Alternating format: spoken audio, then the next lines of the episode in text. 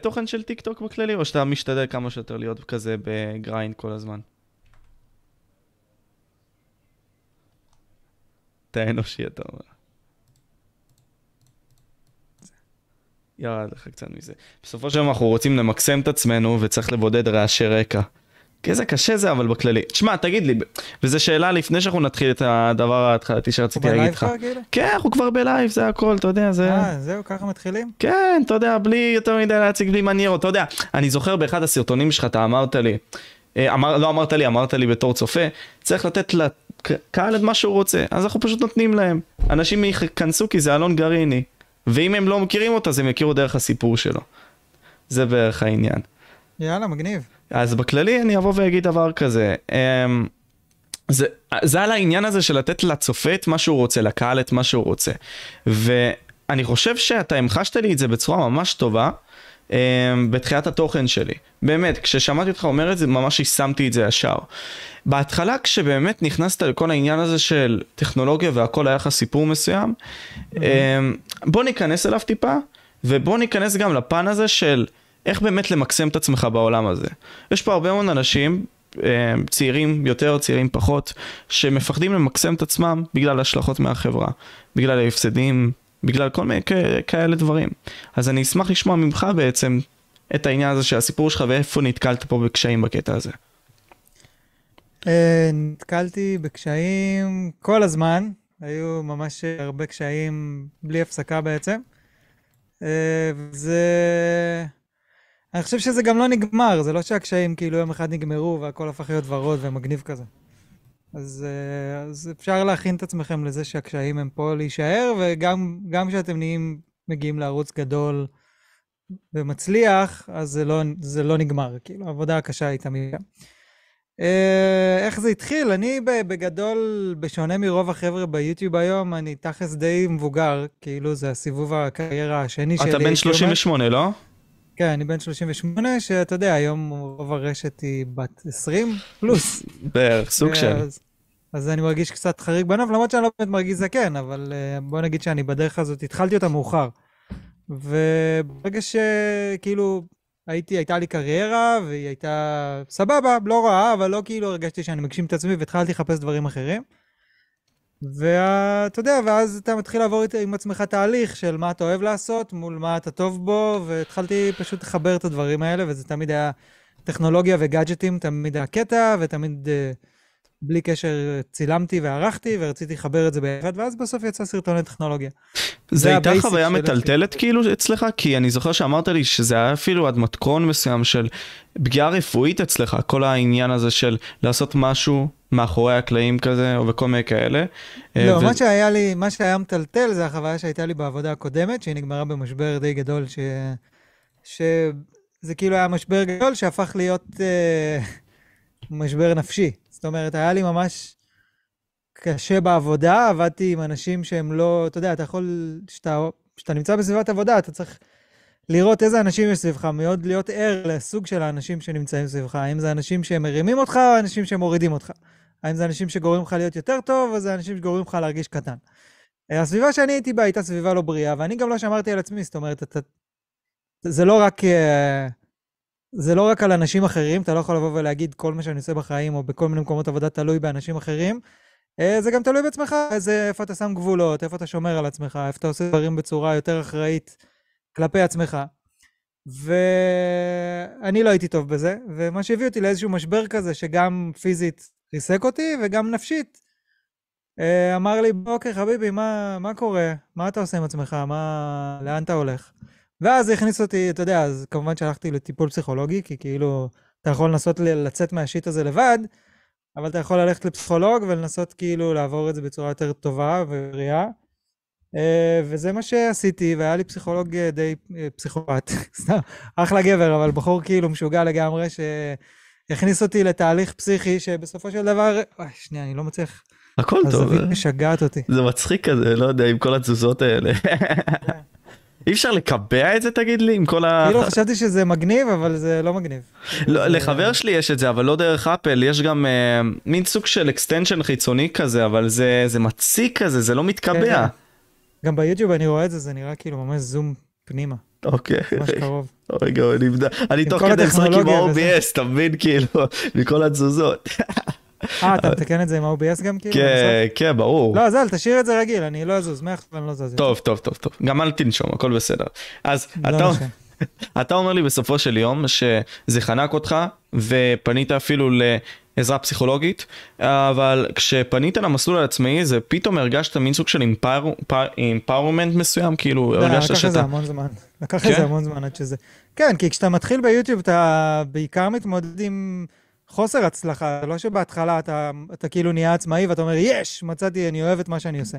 יש, הדרג, יש התרגשות, ואז אתה, אתה יודע, אתה עושה עוד סרטון ועוד סרטון ועוד סרטון, ואז אתה מתלהב מזה שאתה עושה סרטונים, וזה כיף להעלות אותם, אבל אז אתה רואה שכאילו, וואלה, אף אחד לא רואה את הסרטונים האלה שאני עושה, ואני עובד ממש קשה בשביל זה. אז אה, כאילו האמפאורמנט הגיע עם ההצלחה, כי... ב- אני אגיד לך, שוב, מה שרציתי להגיד בהקשר לזה שאני זקן, כאילו שאני מבוגר וכבר עברתי משהו היום, זה שאני חושב שלי זה היה הרבה יותר חשוב להצליח ביוטיוב, מאשר ל- לאנשים שהצליחו בטעות, או ב- אתה יודע, סתם יצא להם, או עשו איזה משהו מגניב ופתאום הפך להיות להיט. שזה מגניב, וזה אחלה, אבל לי זה היה ממש חשוב, כי זה היה כאילו, אוקיי, אין לי כוח להתחיל מאפס עוד קריירה שלישית. יכול להיות שאני אעשה את זה בלי קשר, אבל זה יהיה מבחירה, ולא יהיה מאיזה חוסר רצון כזה ל... לא יודע מה, זה... זה קשה, אתה מבין? כל פעם להתחיל משהו מחדש, אפילו אני חושב, סתם, לפתוח ערוץ באנגלית, להתחיל לרוץ מאפס, זה קשה. אז, אה, אז אני, ממש היה לי חשוב להצליח, והיה לי ממש ממש חשוב לעבוד במשהו שאני אוהב לעשות. זאת אומרת, לא התחברתי בכלל לווייב הזה של לעשות עכשיו אה, אה, דברים בשביל הכסף, אתה מבין? זה לא, לא ריגש אותי. אני אמרתי, אוקיי, עשיתי כבר כסף, עבדתי בכל מיני עבודות שאני יודע מה זה להכניס טוב, עכשיו אני רוצה כאילו לשבת ולהיות, וליהנות ממה שאני עושה. אתה יודע אפילו מיכה, מיכה Stocks פה רושם, אלון מעריך את מאוד את מה שאתה עושה בערוץ שלך, קשה להבין. כמה זה קשה וכמה עבודה נדרשת. מיכה, מה יהיה עם טסלה? איך הם מתרסקים לנו בימים האחרונים אחרי העלייה המטורפת הזאת? אה, כן, תשמע, מיכה לדוגמה, אם אתה מדבר על grind, בן אדם שעושה שני לייבים פלוס סרטון לפעמים ביום, טירוף, שאי אפשר לתאר בכלל, מדהים. אז זהו, זה אנשים, אתה יודע, אני זוכר תמיד ברעיונות שלך אתה מציין את השם הזה קייסי, קייסי נייסטאט, שהוא פשוט היה מכונה למלא שנים, והוא פיוניר של יוטיוב וכל מיני כאלה. למרות שגם אתה מ-2000 וכזה, ת- 2010 כזה נמצא ביוטיוב, משהו בסגנון הזה, אם אני לא טועה, לא- אומנם לא מעלה סרטונים בקבוע, אבל זה ממה שאני זוכר, נכון? או, הנה זווית חדשה, איזה יופי. כן, עברתי ללפטופ כי מעצבן אותי. הגיוני, הגיוני, הגיוני. לא, אז, אז זהו, אה, כל העניין הזה עם קייסי והכל. אני רוצה שבאמת תספר לי את העניין הזה של, אוקיי, הרצון שלך להגשים את החלום שלך, למרות נגד כל הסיכויים, למרות שבארץ, מי היה מרוויח כסף בת, בת, בתקופה הזאת, אפילו לפני שש שנים, מי היה מרוויח כסף בגדול. אז uh, תספר לי את הרדיפה הזאת אחרי החלום בתור יוצר תוכן, איך זה היה אצלך גם, איך סיפרת לעצמך את הסיפור הזה. אני אגיד לך איך זה מתחבר לקייסי, כי uh, בסופו של דבר עשיתי, התחלתי, אמרתי, רציתי לעשות סרטוני טכנולוגיה, ידעתי שזה מה שאני רוצה לעשות, אבל לא ידעתי, מש, לא ידעתי, כאילו ידעתי לצלם, הייתה לי כבר מצלמה סבבה יחסית לאותה תקופה. Uh, היו לי כל מיני כלים, אבל לא ידעתי שום דבר על יוטיוב. ואז החלטתי לעשות סרטוני טכנולוגיה, כי זה מה שהכי אהבתי, אז Unbox Therapy היה מטורף, ואני הייתי משוגע עליו יותר מ-MKBHD וכאלה שהיום ממש... וואלה. כאילו יותר השראה. כן, Unbox Therapy היה כאילו הערוץ מבחינתי, ועשיתי סרטוני Unbox Therapy כזה, לשבת מול המצלמה ולדבר על מוצרים, שאפילו לא היו לי אותם, זה אפילו עוד לפני, כאילו, שהשגתי מוצרים. אה, ועשיתי שלושה סרטונים שהם כאילו לא הצליחו והם היו גרועים, הם עדיין, כאילו עדיין אפשר לראות אותם, אבל הם עדיין גרועים. אה, ואז אמרתי לעצמי, אוקיי, מה אני עושה? ובגלל שנכנסתי למחקר הזה בתוך יוטיוב בשביל אה, לחפש השראה ולחפש רעיונות ואת כל הדברים האלה, אז, אז נתקלתי בקייסי נייסטאט. ואז בעצם פעם ראשונה שהבנתי מה זה באמת, שיוטיוב דוחף בן אדם קדימה, אתה מבין? כי אני לא הכרתי אותו, ופשוט ראיתי את הפרצוף שלו בכל מקום, ממש, בכל מקום הוא היה ביוטיוב באותה תקופה, זה היה מטורף לגמרי. ואז התחלתי לראות את הסרטונים, בהתחלה לא הבנתי מה הוא רוצה, ואז ראיתי עוד סרטון ועוד סרטון, ופתאום קלטתי, בואנה, בזמן שאני רואה את זה, עולה אצלו סרטון כל יום, כמו שאתה עושה עכשיו מלא פודקאסטים, כן. אז עולה אצלו סרטון כל יום, וזה היה אז, כאילו, לא, לא, לא הכרתי את הקונספט הזה בכלל, שבן אדם מעלה סר... עזוב ולוג כזה מטורף כמו שהוא עושה, אבל לא הכרתי את הקונספט הזה, ומאוד מאוד התחברתי, והתחברתי לאישיות שלו, ולמוטיבציה שהוא מכניס אותך, ולכל ה vibe הזה של לראות כל יום איך ניו יורק נראית ומה עבר שם, ואתה יודע שזה כאילו היה אתמול, מה שאתה ראית, מה שאתה רואה עכשיו זה היה אתמול, זה היה מדהים בעיניי. אתה גם יישמת את הקונספט הזה בסופו של דבר, כאילו, בדיוק, סוג של... בדיוק, מה שהביא אותי למקום של אוקיי, הבנתי, זה... אה, זה מה ש... זה מה שקורה היום ביוטיוב, אני לא יודע כלום ביוטיוב, אין לי כרגע מוצרים, אז אני אתחיל לעשות סרטונים, סתם. אני זה פשוט, אה, התייחסתי לזה כמו תרגיל, כמו משימה. והתחלתי לעשות סרטונים, והם היו על הפנים, כי לא ידעתי, לא הייתי טוב בלדבר למצלמה, לא הייתי טוב בלספר סיפור, כן ידעתי לצלם, ידעתי את כל הטכניקות, וכן ידעתי לערוך. אז הגעתי למצב שלא, שלא יהיה, סרטון בסוף היום, וזה לא יהיה לי קשה מדי. אה, ואז אה, נכנסתי לזה בכל הכוח, וזה היה מצד אחד תרגיל טכני של ללמוד איך לצלם, איך לספר סיפור, איך לערוך מהר, ואיך אה, לא לוותר ולגרום לזה שאתה עושה סרטונים כאילו בלי הפסקה, ושזה בכלל העניין של הלא לוותר, אחד הדברים הכי חשובים ביוטיוב, כי, כי מי שמוותר הוא פשוט לא מצליח, ואין, מעטים האנשים שהם בן קיסר שהצליחו בפעם, על הפעם הראשונה. אה, רוב, רוב האנשים עבדו מאוד מאוד קשה בשביל להגיע לאן שהם, איפה שהם נמצאים. לא שבן לא עבד קשה, בן פשוט הצליח על הוואן, ומאז לא הפסיק לעבוד קשה. אה, אז בגלל זה הוא עדיין רלוונטי היום. בדיוק. ו... וזהו, ואז התחלתי, התחלתי והתחלתי והתחלתי ועשיתי ועשיתי ועשיתי 150 רצוף, ואז עשיתי הפסקה ועשיתי עוד איזה 100, מלא סרטונים, כאילו, ממש המון. כן. אה, ואז עוד פעם הגעתי למיצוי, אמרתי, אוקיי, זה משעמם, נמאס לי לדבר על עצמי, החיים שלי לא כאלה מעניינים, בוא נהיה כנים, אני כולה איזה מושבניק, אין לי פה, לא איזה חי חיים סוערים, לא נוסע לחו"ל כל שנייה, אין לי עבודה מטורפת. אה, סבבה, סיפרתי מעל ומעבר של מה שאפשר לספר בתור, ה... בתוך העולם המשעמם הזה. ואתה יודע, היו בזה כל מיני תובנות וכל מיני דברים כאלה, אבל זה לא, לא כזה מרגש. זה לא כזה אה, מרגש, אבל לדעתי יש בזה כל כך הרבה תבונות שאתה יכול לבוא ולהגיד אותן. כי מצד אחד, אתה יודע, זה משהו שסנקס אמר לי באמצע אחד השידורים שלו, וזה מאוד מהדהד בי כל הזמן, שאם אתה לא תתחיל, לא תהיה התחלה לסיפור שלך. ואפילו אם לא ידעת את הדברים שלך, אתה עשית את זה ולמדת מזה דברים. איזה דברים אתה אולי זוכר מאותה תקופה שהכי הרבה למדת מהתקופה הזאת של הוולוגים, שבאמת היית מפלצת של תוכן סוג של? לא סוג של, מפלצת של אה, תוכן. נראה לי שעוד לא הייתי. דבר ראשון, למדתי להאמין בעצמי, זאת אומרת, אה, כי גם מהפידבק הקטן הזה שאתה מקבל, מאנשים, מקבוצת אנשים שהיא לא ענקית, כמו, כמו שהיום, וגם הרבה לפני, אתה יודע, כבר ב... עשרת אלפים עוקבים, כבר ידעתי שזה כאילו הולכת להיות העבודה שלי. כי חלמתי על זה עד אז, ברגע שהגעתי לעשרת אלפים אמרתי, אוקיי, אני הופך את זה לעבודה, לא אכפת לי. אה, אני הולך על זה עד הסוף. ולמדתי להאמין בעצמי בעיקר, וקיבלתי עם הזמן חותמת שמה שאני חושב ומה שאני עושה הוא טוב, כי זה משהו ש... ביחס למה שהייתי בעבודה הקודמת, שהרגשתי שכל מה שעשיתי לא טוב, וכל פעם שעשיתי הייתה עליו ביקורת, וזה לא הייתה ביקורת בונה, והיה מאוד מאוד קשה ליצור דברים, כי כל מה שאתה עושה אומרים לך שזה לא טוב, ואז אתה נכנס לאיזה מגננה, מגננה שאתה מפסיק ליצור. ו... והיה חסר לי מאוד את המקום הזה של, אני יודע מה אני עושה, אני אומר את הדברים האלה כי הם נכונים, לא כי אני דמיינתי את זה, כי יש ניסיון, כי זה מוכח, אה, וזה אני חושב אחד הדברים הכי טובים שזה עשה לי, זה כאילו האמפאורמנט האמיתי של הסיפור הזה. אה, כי... אתה יודע, ידעתי שיש לי ידע, עברתי המון דברים בחיים, יש לי המון, היה המון ניסיון בכל מיני דברים, אבל באיזשהו מקום. הסביבה וההתנהגות שלי גרמו, גרמו לי לערער, להתערער. ואז זה נתן לי את, ה... את האופציה בעצם להיסגר על עצמי, להאמין בדרך שלי, ואז לתת פול גז ופשוט לעוף על זה. מעטים האנשים שאבל יקחו את הסיכונים האלה, אתה מבין? הרי אנחנו חיים בעולם כזה ש... אתה יודע, מנסים לשתק לנו את החשיבה בקטע הזה, מנסים לבוא ואתה יודע, בסופו של דבר אתה ערוץ טכנולוגיה, אתה מביא את ה-added value שלך בזה שאתה נותן את הערך של טכנולוגיה. למה אתה חושב אבל שהם מנסים למנוע ממך, ממך לעשות את זה? כי בסופו של יום אתה צריך למלא באיזה שהם מקומות, כאילו, את המקומות החסרים, אתה מבין? צריך למלא בכל מקום חלקים חסרים, כמו בצבא, סתם דוגמה. אתה לא בהכרח יכול להיות איפה שאתה רוצה. אני לא יכול לדבר על זה אישית על הצבא לעומק, כי אני נמצא במערכת הזאת, אבל בוא נסתכל על זה in a sense point. אם עכשיו הצבא היה רוצה אותך בכל מקום שאתה רוצה, רוב הסיכויים היו חלקים ריקים בצבא. אתה מבין מה אני אומר? לא, ברור. תשמע, המערכת, כאילו, להיות חלק מהצבא, בתור אחד שהיה חייל, וכאילו... וזה השפיע עליו, אה, אין מה לעשות, אתה יודע, זה מין אה, פקטור בלתי משתנה של מדינת ישראל, שאתה צריך לקבל את זה, אתה יודע, זה נתון במפרט של הישראליות, שאתה לא יכול לקחת אותו. ו... אה, אני לא חושב שאפשר להשתמש בזה כתירוץ, כי יש מלא ישראלים שהיו בצבא והצליחו, ואני חושב שדווקא התקופה הזאת, שהיא יש כאילו את כל הקונספירציה הזאת שמנסים להשתיק אותנו ולשלוט בנו וכל מיני דברים כאלה, ואני מכיר אישית אנשים שבאמת מאמינים שזה ככה, אבל אני חושב שזה דווקא היום שיש לנו, תראה, אני ואתה פותחים ערוץ, פונים לאלפי אנשים ואומרים מה שאנחנו רוצים. אמת. אין כאילו, עכשיו, אתה יודע, יכול להיות שאם נתחיל באמת לגעת בדברים מאוד מאוד קיצוני, קיצוניים, אז ישקיטו אותנו ויחסמו אותנו, אבל אה, אתה יודע, אנחנו בסך הכל מדברים באיזה level כזה די בסיסי, שהוא...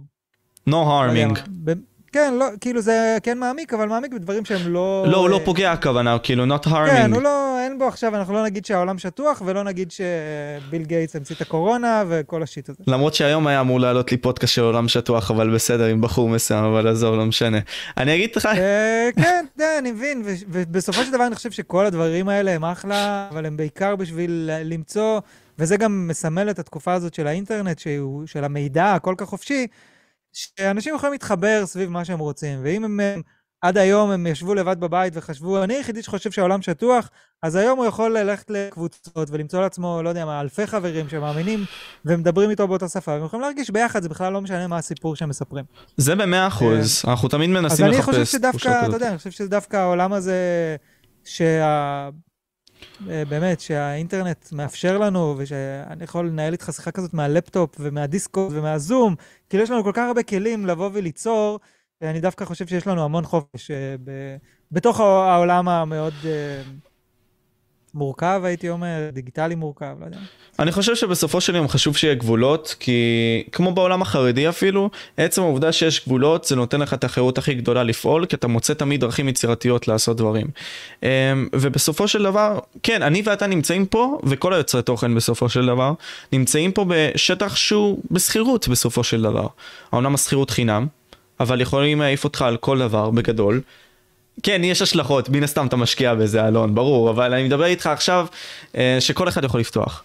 אבל כן יכולים להעיף אותך במידה ואתה לא תשרת את האג'נדה אה, או את לא רק- החוקים. לא רק שיכולים להעיף אותך, יכולים, יכול להיות, וזה קורה ממש עכשיו, שפתאום הטרנד בעולם משתנה, ופתאום סרטונים קצרים וחסרי תכלית הם מה שמעניין את כולם, והמקצוע שבנית לעצמך סביב פלטפורמה שהיא טיפה פחות רלוונטית ממה שהייתה לפני שנתיים, וזה קשה מאוד, זה כאילו מאוד קשה. אתה יודע, להשקיע, אני שמתי את כל הביצים שלי בסל הזה שנקרא יוטיוב, והיום אה, יוטיוב... אה, הוא אחר, הוא לא מה שהיה פעם. פחות אנשים מסתכלים על יוטיוב, יותר אנשים מסתכלים על טיק טוק, אז אני עושה גם טיק טוק, ואני אוהב את זה, זה לא שאני לא אוהב את זה.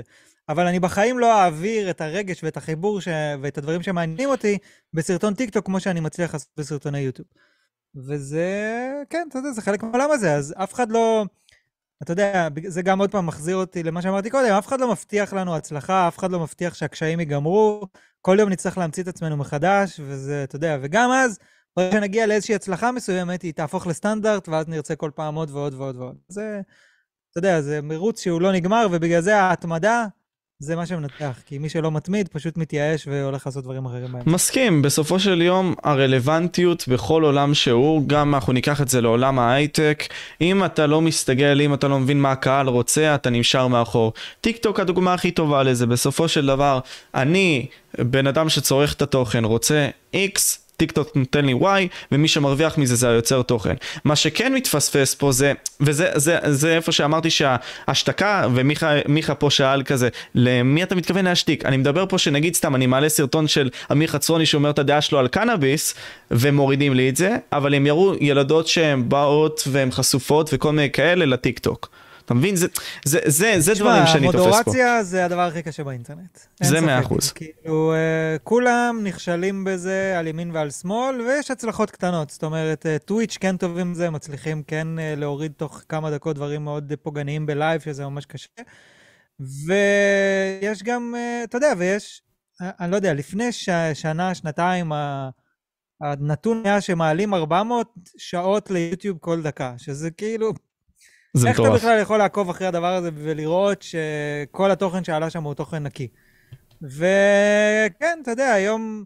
בוא נגיד שאין ספק שיש בעיה עם מה שקורה, מה שקורה ספציפית לנשים, ובכלל, הכפתה של גוף ברשת זה משהו שהוא מאוד מאוד בעייתי, כי מצד אחד זה, זה תופס הכי חזק, וכולם רוצים לעשות את זה, זה הכי פשוט גם, כולה, אתה יודע, להראות. מצד שני, זה יוצר המון המון בעיות חברתיות, ואני לא יודע איך יטפלו בזה, ואני חושב שאתה יודע, רשתות חברתיות שכן מרשות לעצמם להראות את כל החשפנות ואת כל הדברים האלה, הן לא מגיעות לרמות של אה, רשתות אה, מאוד מאוד גדולות כמו אינסטגרם וטיק טוק ופייסבוק, שאוסרות על להראות את הגוף, אה, אתה יודע, להראות עירום ודברים כאלה.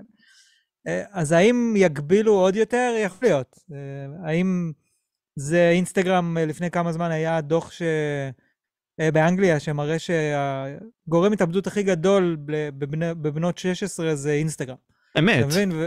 יש כן, עוד נתון, וזה... אני אחזק אותך אפילו, ראיתי את זה גם, אה, מגיל 10 עד 13, אה, נגיד סתם אם אנחנו ניקח עכשיו את הנערה הממוצעת שנכנסה לאינסטגרם לפני, כאילו נכנסה לאינסטגרם ב-2014, 15 ווטאבר, ועשור לפני כן, אנחנו יכולים לראות שאחוז ההתאבדויות עלה ב-300 אחוז. כן.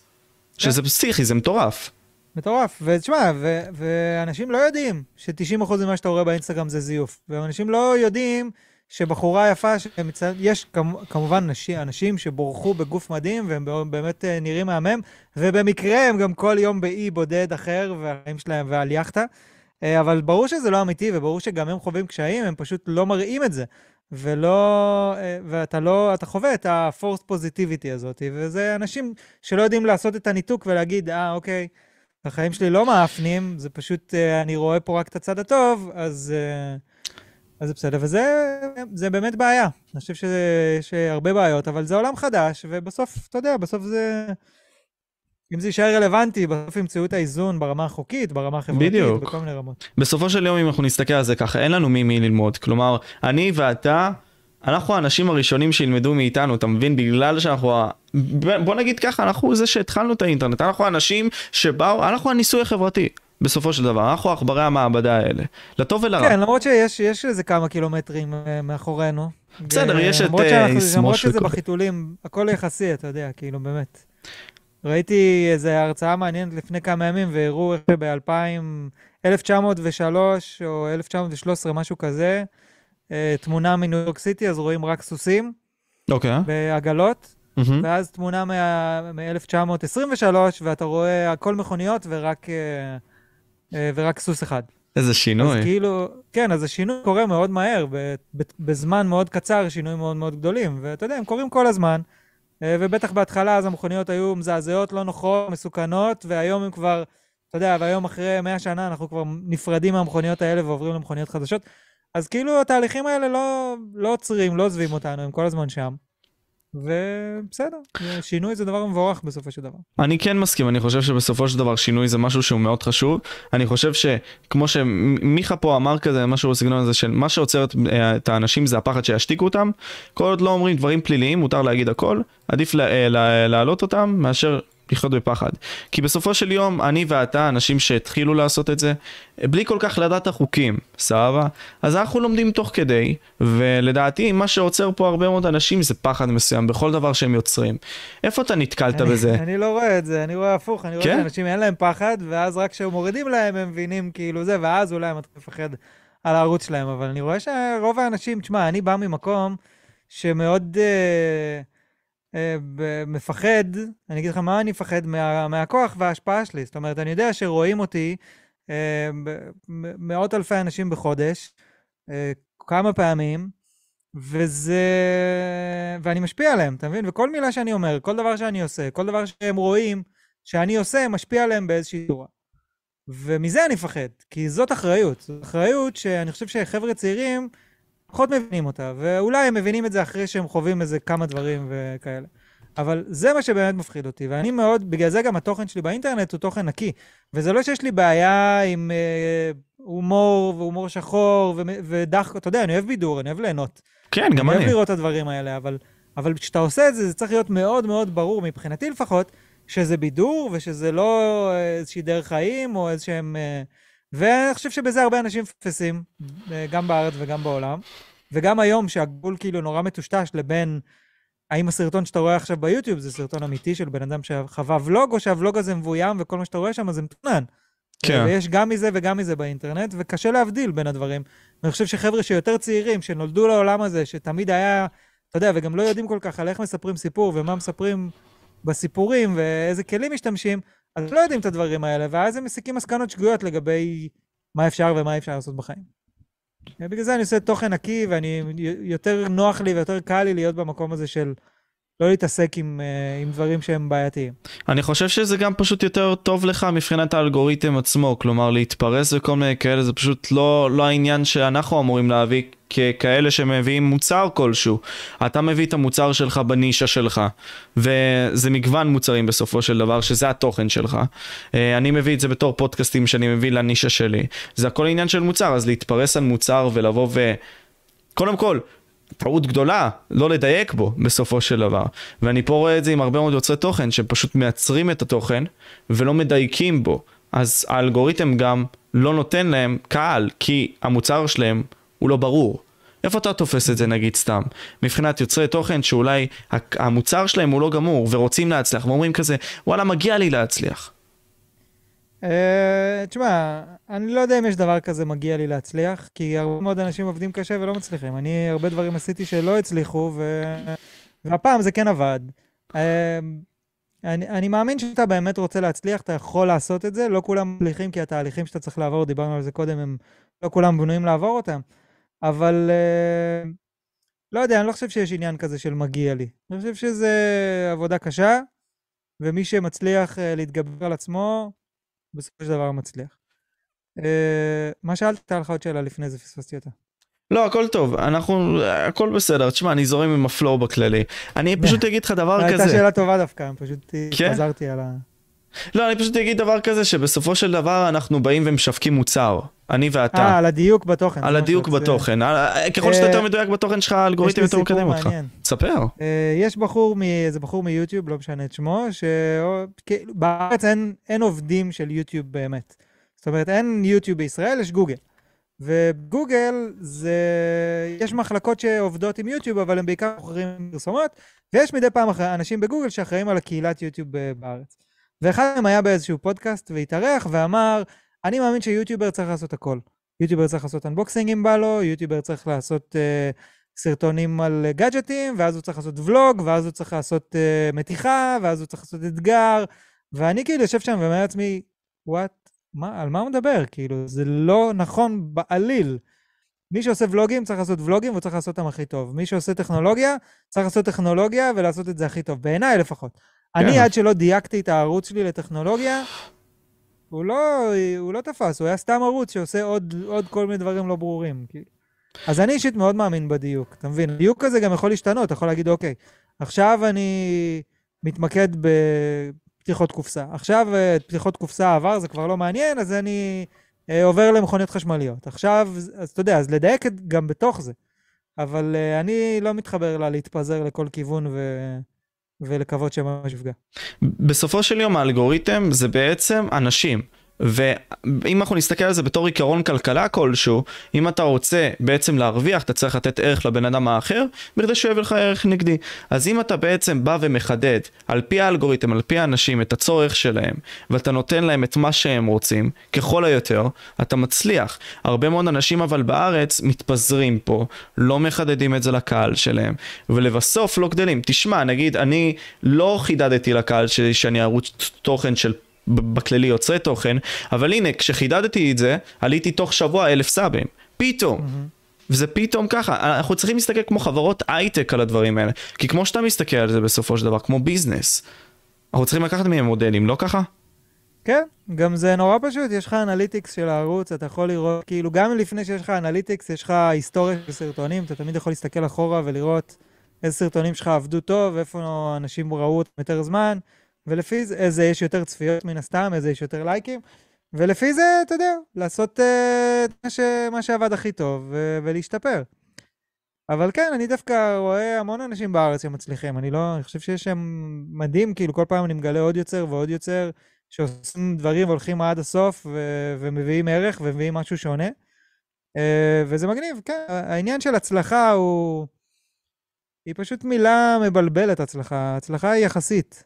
ברור. אתה מבין? אני יכול להגיד, אפשר להגיד עליי שאני הצלחתי, אתה מבין? אבל אני עוד לא רואה, אתה יודע, מבחינתי, אוקיי, הצלחתי לעבוד בתור יוטיובר, הצלחתי להפוך את זה לעבודה. אה, זה עדיין לא מצליח כמו שאני הייתי רוצה שזה יהיה, לא, לא ברמה הכלכלית ולא ברמת התוכן. אז, אה, אז אתה יודע, אז יש כאן, יש, תה, יש תהליך לעבוד, לעבור. וכמו שלא יודע מה, אתה עכשיו עם 3,000, כמעט 4,000 רישומים, מקווה שאחרי הוולוג הזה תגיע ל-4,000, הפודקאסט הזה. כן. בעזרת השם. כמו שאומרים, אז, כן. אה, אז אתה מבין, זאת הצלחה, גם, זה גם הצלחה. אבל? זה, זה היא- מטרה, בסופו של יום, כמו שאתה כן. נגיד, סתם, אני זוכר, אה, דיברת עם יאיר על זה בפודקאסט, על הלוח הזה שאתה באת וכיוונת עם ה-80 נושאים האלה, שאתה בעצם רוצה סביבם לעשות את התכנים שלך, אם אני לא טועה, משהו בסגנון הזה. זה הכל מטרות שאתה רוצה בעצם לבוא ולאסוף בכדי להתקדם למטרה הגדולה שלך, לאט לאט. כי אתה יודע שאם נגיד סתם אתה תעשה את התכנים האלה כפי שאתה רואה והמספרים בערך באומדן, אתה תבוא ותגיע לתוצאה שלך. אנשים פה מפספסים את זה, את הדרכים האלה, את המטרות האלה. הצלחה זה דבר שכמו שאתה אומר, יחסי. אבל uh, אין ספק שאנשים פה לא נכנסים לעניין של מטרות, ואיך אתה תפסת לא, את לא זה? כולם, לא כולם. יש אנשים שלגמרי בעניין. אז תסביר לי, כאילו, איך אתה תופס את זה, נגיד, סתם ליוצר תוכן כזה שאולי, אתה יודע, לא עובד עם מטרות, שעובד כזה הלאה בבעלה, אתה יודע, כמו שאמרנו עכשיו עם המוצר שהוא לא מוגמר, איך אתה לא, מסתכל? אני, אני, אומר, אני אומר אחרת. אני חושב שרוב הסיכויים שאתה תראה, בעיקר כאילו בהתחלה, בתחילת הדרך, שאתה מסתכל כאילו על הרוב, אז רוב האנשים שיוצרים תוכן לא מצליחים. כי אין מה לעשות, כי יש מלא אנשים שרוצים ליצור תוכן, ואין כל כך הרבה קהל, ולא כולם מצליחים, אין מה לעשות. אבל צריך דווקא להסתכל על מי שכן הצליח, ומי שכן עושה דברים טובים, ודווקא שם אתה תוכל למצוא הרבה, הרבה דברים ללמוד מהם. וגם אתה תראה שזה כל פעם משתנה. נגיד, אה, כל פעם עולים, אנש- לפני כמה ימים אה, ראיינת את, אה, את אוהד, נכון. נכון? אז אני מבחינתי, הוא צץ לי לפני רגע, אתה מבין? אני לא הכרתי אותו לפני זה, ופתאום הוא צץ לי, ופתאום הוא מביא משהו חדש, ופתאום אני מסתכל על לייב שלו ויש עשרת אלפים צופים. אתה מבין? זה, זה משהו מדהים בעיניי, ואני חושב שדווקא פה מוצאים דברים אה, יותר מעניינים, מאשר להגיד אנשים לא, אנשים לא עושים, אנשים כן עושים. כן, אנשים, יש הרבה אנשים שאין להם את הידע, ובסופו של דבר הם יצרכו את הידע, והם גם ידעו אשכרה להשתמש בו בשביל להיות יותר טובים. אבל אותי מה שמעניין זה דווקא אה, האלה שכן, שכן מצליחים, האלה שכן הצליחו להביא משהו חדש, זה מה שכן... אה, את אלה אני יותר אוהב, ואני שוב, כמו שאני אומר לך, יש מלא כאלה, זה כאילו... הקהילה לא כזאת קטנה כמו ש... אנחנו מתארים שמדברים אותה. עליה בהתחשב בעובדה ש... אני, לא, אני חושב שיש איזה מיליון צופים ביוטיוב בישראל, משהו כזה. וואלה. שזה לא, זה לא הרבה. כן, זה כל ה... אתה יודע, חצי מהם אצל עידן תלם, חצי מהם אצל אה, קווין רובין, ואז כל השאר מתחלקים בשאריות של שאריות. כן, אבל מה אה. שכיף פה שמתפרסים בסופו של דבר, שזה לא רק לצופה אחד, יש פה מלא יוצרי תוכן, אז הם יכולים. להתפרס וכל מיני כאלה. בכללי אני רוצה להודות מר פומה אחי, על הארבע שקל, ומה מה נשמע יאיר? דיברנו על יאיר לפני השידור, גם פה נמצא. אה, הוא פה? כן, כן, כן, הופה. מה מגניב. קורה? בכל מקרה. בכל מקרה, אני אבוא ואסתכל על זה ככה בסופו של דבר. אמ, הרי אנחנו כקהילה גדלים, ואנחנו גדלים מאוד מהר לדעתי. עם כמה שאנשים פה יסתכלו ויגידו, אין פה כל כך הרבה תוכן, או לחלופין יבואו ויגידו, יש פה הרבה מאוד תחרות. דווקא אנחנו נמצאים באיזשהו balance מסוים. כי אנחנו מתחרים על קהל צופים כלשהו. אבל אני זוכר אישית שאתה לא מסתכל על זה כתחרות, ואתה מסתכל על זה דווקא הפוך, שאין פה תחרות. צריך שיהיה פה עוד יותר אנשים בשביל שיהיה פה תחרות בסופו של דבר. אתה מבין? אז איך, אני- אתה, איך אתה גדל פה, כאילו מבחינתך, ב mindset שלך, בתור יוצר תוכן בקטע הזה, שאתה לא מרגיש שאין תחרות? זה... התחרות, דבר ראשון, זה עוד פעם, אני חוזר על אותה נקודה, זה מול עצמך. זאת אומרת, אין לך... אם אתה מצליח או לא מצליח, זה לא בגלל שמישהו אחר עשה סרטון טוב, או סרטון פחות טוב, או שהוא מעלה יותר סרטונים, או זה. הוא מצליח בגלל שהוא טוב.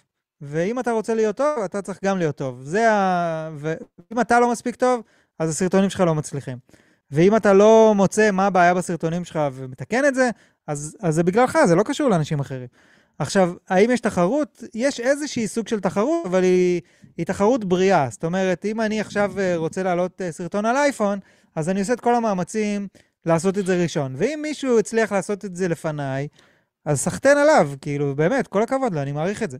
עכשיו, העניין של הלגדול ביחד הוא עניין מאוד חשוב, כי הניצחון הוא לא רק בסאבים וצפיות. זאת אומרת, סאבים וצפיות זה נחמד עד שלב מסוים, שבאיזשהו שלב זה לא משנה כמה סאבים יש לך. זה אני ב- לפני שנתיים, היו לי יותר צפיות ביוטיוב, כי היה יותר קהל ביוטיוב, היו יותר צופים. אתה מבין? והיה לי פחות סאבים ממה שיש לי היום. אז יש לי מלא סאבים, אבל טיפה פחות צפיות. זה לא משנה, אתה מבין? כי עדיין אני נותן את הערך, עדיין זה, זה מגיע. אז המספרים האלה הם לא באמת משנים. מה שמשנה זה לעשות את התוכן ושהקהילה תהיה גדולה, ושבשביל שיהיו, בה, שיהיו יותר שיתופי פעולה, ובשביל שיהיה יותר אה, עסקים ששמים כסף על התחום הזה, אתה צריך יותר יוטיוברים. זאת אומרת, אם היו הרבה יוטיוברים של טכנולוגיה גדולים שעושים סרטונים, יש כמה, אבל אם היו עוד יותר גדולים, והיו, והיו עוד, אז היו מגיעים יותר תקציבים לתוך התחום הזה. אז בהתחלה הוא היה לוקח, ואז הוא היה לוקח, ואז הוא היה לוקח, אתה יודע, ולאט לאט זה היה מתחלק. וביחד התחום היה גודל, ואז היו נכנסים עוד אנשים לעשות סרטוני טכנולוגיה, והיה אינטרס. זה בעצם קורה פשוט בתחומים אחרים, כמו בגיימינג. אתה מבין? בא, בא בן אדם, עושה סרטונים, נהיה ממש טוב, באיזשהו משחק, ואז אנשים רואים שהמשחק הזה עובד, והם עושים גם תכנים בדברים האלה. אז מצד אחד נהיה כביכול יריבות ביניהם, אבל מה שבאמת קורה בפועל, זה שכולם בארץ, כל המשווקים בארץ מסתכלים על התחום הזה, אומרים, בואנה, תראה כמה יוצרי תוכן יש בתחום הזה, וכמה תוכן הם עושים, וכמה צופים יש בזה, אז בוא נשקיע בזה ונעשה פרסומות ונביא לשם כסף. ואז אתה רואה איך מוצרי גיימינג, ואירועי גיימינג, ווואו, אין סוף של דברים, ו... ובזק עושים פרסומת עם מיינקראפט, וכל מיני דברים כאלה שאתה כאילו לא... אתה אומר לעצמך, איך זה בכלל הגיע לעולם הזה? וזה בדיוק קרה בגלל זה. אז הגדילה הזאת, בסופו של דבר, כולם מרוויחים ממנה, ולא רק, ולא רק מי שכאילו היוטיובר הכי גדול או שיש לו הכי הרבה צפיות. אמת, אני מאוד מסכים איתך, אני חושב שגם במיוחד שילוב בין עולמות בסופו של דבר, בסקאלה הרווחה יכולה להגדיל גם עולמות שלמים, ואם אנחנו נסתכל על זה ככה, אה, כשהתחלת את הסטארט-אפ שלך, בוא נניח את זה ככה שזה הערוץ שלך והמיתוג שלך, בוא נניח את זה ככה, אה, היה לך הרבה מאוד זמן גם שהתקשית באמת להכניס הכנסות מהדבר הזה. בגלל חלק מהנושאים האלה של התחרות הזאת, בגלל שלא היו כל כך הרבה עיניים לגבי הז'אנר הזה של הטכנולוגיה, ורק לפני איזה כמה שנה בערך התחלת עם החסויות וכל הדברים האלה. אה, אז תסביר לי כי בוא נתחיל קודם כל מהזמן הזה של הסטארט-אפ הזה שפיתחת אותו שעל הכמה שנים האלה שעבדת קשה בשביל לבוא ולהוציא מזה משהו. כלומר mm-hmm. זה, בהתחלה, זה, איך זה היה נראה לך בסיפור הזה שלך? כי זה נראה מוזר לאנשים. תשמע, בתור התחלה, אני חושב שזה עדיין סטארט-אפ, כאילו עדיין לא עשיתי אקזיט, וזה עדיין הפכה להיות חברה ענקית, אז אני חושב שזה עדיין סטארט-אפ, פשוט עליתי שלב, והסטארט-אפ הזה הוא רווחי, והוא לא, והוא לא רק אה, חברה שאתה מוציא עליה כסף. אה, אני חושב שזה ספציפית מתאים לעולם של טכנולוגיה. למה זה? כי בתוך טכנולוגיה יש הרבה מאוד... אינטריגות, ויש הרבה מאוד מוצרים, ולמוצרים האלה יש משווקים, וכל מוצר שאני מדבר עליו זה מוצר שבסופו של דבר אנשים רואים את הסרטון שלי ואז הולכים ומוציאים אלפי שקלים על המוצר שלהם. אז מעל העניין של הרווח, בשביל לבנות ערוץ טכנולוגיה בארץ, וכשאני חושב כאילו, מה זה ערוץ טכנולוגיה, מה הערך העליון שלו, אני אומר אמינות. הדבר שאני צריך מעל הכל זה אמינות, כי אם לא תהיה לי אמינות, אנשים לא יראו את הסרטונים שלי, כי הם לא יאמינו לי. אם הם לא מאמינים לי והם לא סומכים עליי, אז איזה סיבה יש להם לראות סרטון שלי? כי הם רואים את הסרטון הזה, אוקיי, יש 30 אלף איש, 20 אלף איש שרואים את הסרטון כי זה כיף להם והם רוצים לדעת הכל על טכנולוגיה. רוב האנשים האחרים, הם רוצים לקנות אייפון, הם רוצים לקנות גלקסי, הם רוצים לקנות מסך, הם רוצים לקנות לפטופ. הם רוצים לדעת האם כדאי להם לקנות את הלפטופ הזה או לא כדאי להם לקנות את הלפטופ הזה. זה הכל מבוסס אמינות. אה, אמינות וכסף לא הולכים טוב ביחד. הם, בעיקר בישראל, הם מאוד בעייתיים. ו... ואני אמרתי, אוקיי, אם אני רוצה לבנות ערוץ טכנולוגי אמיתי, הכסף צריך לחכות. צריך לחכות בצד. כאילו, אלא אם כן באמת מגיעה הצעה שאני לא יכול לסרב לה, אבל לא הגיעו כאלה הצעות, ו- ואתה יודע, ואמרתי לעצמי, סבבה, זה פחות חשוב. מה שחשוב עכשיו זה לבנות האמינות, לבנות הקהל, לבנות הסטודיו, להשתפר בסרטונים, והכסף יבוא אחר כך. ו- וזה מה שקרה, אתה יודע, וגם ברגע שהקהל כבר מכיר אותך, והוא יודע מי אתה, והוא עבר איתך תהליך, והקהילה חזקה, אז הם גם יודעים שהחסויות שאתה נותן להם והכסף שאתה מכניס לערוץ, החסויות האלה הן אמיתיות, ואתה לא מוכר להם שקרים, ואתה לא נותן להם, אתה לא נותן לאנשים שמשלמים על, על החסויות לשבור את האמינות הזאת. שזה, אתה יודע, שזה היום היום, היום אני יכול לסגור הרבה יותר חסויות ממה שאני סוגר, אבל רוב הדברים, הם מרגישים לי לא מתאימים. אתה תמכור בסופו של דבר את, ה, את השם שלך. כי בסופו של כן. דבר אם אתה תעשה עכשיו חסות, לא יודע, עם אייפון כדוגמה, אז מי אמר שאתה תהיה הכל האובייקטיבי, סתם דוגמה, כשאתה מדבר איתי על אייפון, אתה מבין? זה העניין. כן, אני לא יכול לקחת כסף מאפל, אה, אני לא יכול, דברים מסוימים, אני לא יכול לקחת כסף מסמסונג על דברים מסוימים. אתה מבין, אם סמסונג יגידו לי, אנחנו רוצים uh, שתראה לעולם את המסך החדש שלנו, שהוא 55 אינץ' מקומר שמסתובב, אז אני אגיד להם, אוקיי, זה לא בדיוק התוכן של הערוץ, זה כן מעניין וטכנולוגי, אז את זה אפשר לעשות ממומן וזה לא ייפגע, כי זה לא באמת עכשיו ריוויו של האם כדאי לכם לקנות את זה או לא כדאי לקנות את זה, זה שואו קייס, אז על זה אין לי בעיה לקחת כסף, והקהל סבבה עם זה לגמרי. אבל אם זה אייפון, ואם זה גלקסי, ואם זה הדברים האלה שאנשים באמת צריכים לקבל החלטה שפויה לגביהם, אז זה לא מתאים. ואז אתה צריך למצוא חסויות אחרות שכן יכולות לעבוד בשביל אה, לקיים את הדברים האלה. אז בסופו של דבר אתה נמצא במקום כזה שכן אתה רוצה להתפתח ולהרוויח הרבה מאוד כספים, וזה מאוד קשוח פה בארץ, כמו שאתה אומר, בגלל שאין פה יותר מדי עיניים, ומי שמגיע זה החברות הידועות. אבל עם החברות הידועות האלה, בסופו של דבר אתה לא יכול לבוא ולעשות את השיתופי פעולה האלה, כי אז אתה לא כל אובייקטיבי. אז יש פה הרבה מאוד קשיים אצלך בדרך, למרות שאתה רוצה להצליח וכל מיני כאלה. איך אתה תופס את זה, וגם איך אתה יושב עם עצמך ומדבר עם עצמך על הנושאים האלה, או שיש אנשים קרובים אליך שהם בז'אנר שלך שגם עושים סיור מוחות על זה, על האם זה המוב הנכון, האם זה לא, האם אתה עושה את זה לבד, האם זה, כאילו מעניין אותי, סתם דוגמה. אה, דבר ראשון, אה, זה, זה באמת לא קל, ואני בחרתי בדרך הקשה, כי אני חושב שאני מאמין גם שהיא תהיה יותר ארוכה, ושהיא תהיה יותר אמיתית, ולא תיגמר מהר בגלל איזושהי גרידיות או איזשהו רצון לנצל את הרווח. וגם אני כאילו, אגיד לך את האמת, אני פחות איש שיווק ויותר איש uh, תוכן. ובשביל לסגור פרסומות, צריך, ב, כמו שאני יושב היום, כל יום, בא לפה, עובד על סרטונים, uh, צריך אותו דבר לעשות בשיווק. וכרגע אין פה עוד אנשים, אין כאן אנשים שעובדים בשיווק, יום אחד אולי אני כן אגיע למקום הזה שיהיה בן אדם שיעשה בשבילי את הטלפונים, ואז ההכנסה תהיה הרבה יותר גדולה, אני די, די בטוח. כי אני מאמין שבמצב של היום אפשר לסגור חסות לכל סרטון, היא לא חייבת להיות... Uh, ישירה על החסות, זה יכול להיות uh, אה, VPN כלשהו, או איזשהו שירות כזה או אחר, זה לא משנה. שאז התוכן שלך הוא נקי, אתה לא משנה מה אתה עושה, ו... uh, והחסות היא חסות. והיום אני חושב שהקהל מבין את זה, שאתה צריך להרוויח, כי אחרת אתה לא יכול, אתה לא יכול להתקיים, זה סבבה. בהתחלה זה היה מגניב, זה היה תחביב, איזה יופי, איזה כיף לנו, צפיות, לייקים, מגניב. עכשיו אנחנו צריכים כאילו להתפרנס, אם אנחנו רוצים להמשיך לעשות את זה, ואם, ואני חושב שאנשים, זה חשוב להם, יש להם ערך, הם רואים בזה ערך. אה, ולגבי ההתייעצויות יש כל הזמן. זאת אומרת, העולם הוא דינמי, הדברים משתנים, משהו שהייתי מוכן לעשות אתמול, אני לא מוכן לעשות היום, אה, ואני מתייעץ. עם מישל, הרבה פעמים, עם צביקה לפעמים, עם חברים אה, מתחומים אחרים, כי אתה יודע, לא יודע הכל. אני, כל, אני כאילו כל יום לומד משהו חדש, ותמיד אני יכול ללמוד עוד דברים. אתה יודע, ואני מדבר עם בן, קיסר, ואני מדבר עם שי, מר שיבולת. ואני מקבל מהם פרספקטיבות שונות על, אתה יודע, כי, כי הם כוכבים יותר גדולים ממני, הם בכלל כוכבים, אני לא מגדיר את עצמי ככוכב, הם ממש כוכבים, ואני רואה גם את מה שהם עושים, ו... ואני שומע מהם איך הם מרגישים כלפי זה, ואני חושב איך אני הייתי מרגיש אם הייתי בסיטואציה הזאת, ואם זה מתאים לי או לא מתאים לי. פשוט, יש לי את היתרון שאני כבר זקן, אז אני כאילו... פחות מחפש את ה limelight. אני יודע מה אני רוצה, אתה מבין? אני לא... כן. אין לי כאילו עכשיו יותר מדי תהיות ודברים כאלה. וזה... ברור שאני רוצה להרוויח יותר כסף, ואני רוצה שהערוץ הזה יהיה עוד יותר גדול, אבל אין לי בעיה שזה ייקח קצת יותר זמן, אתה מבין? כאילו...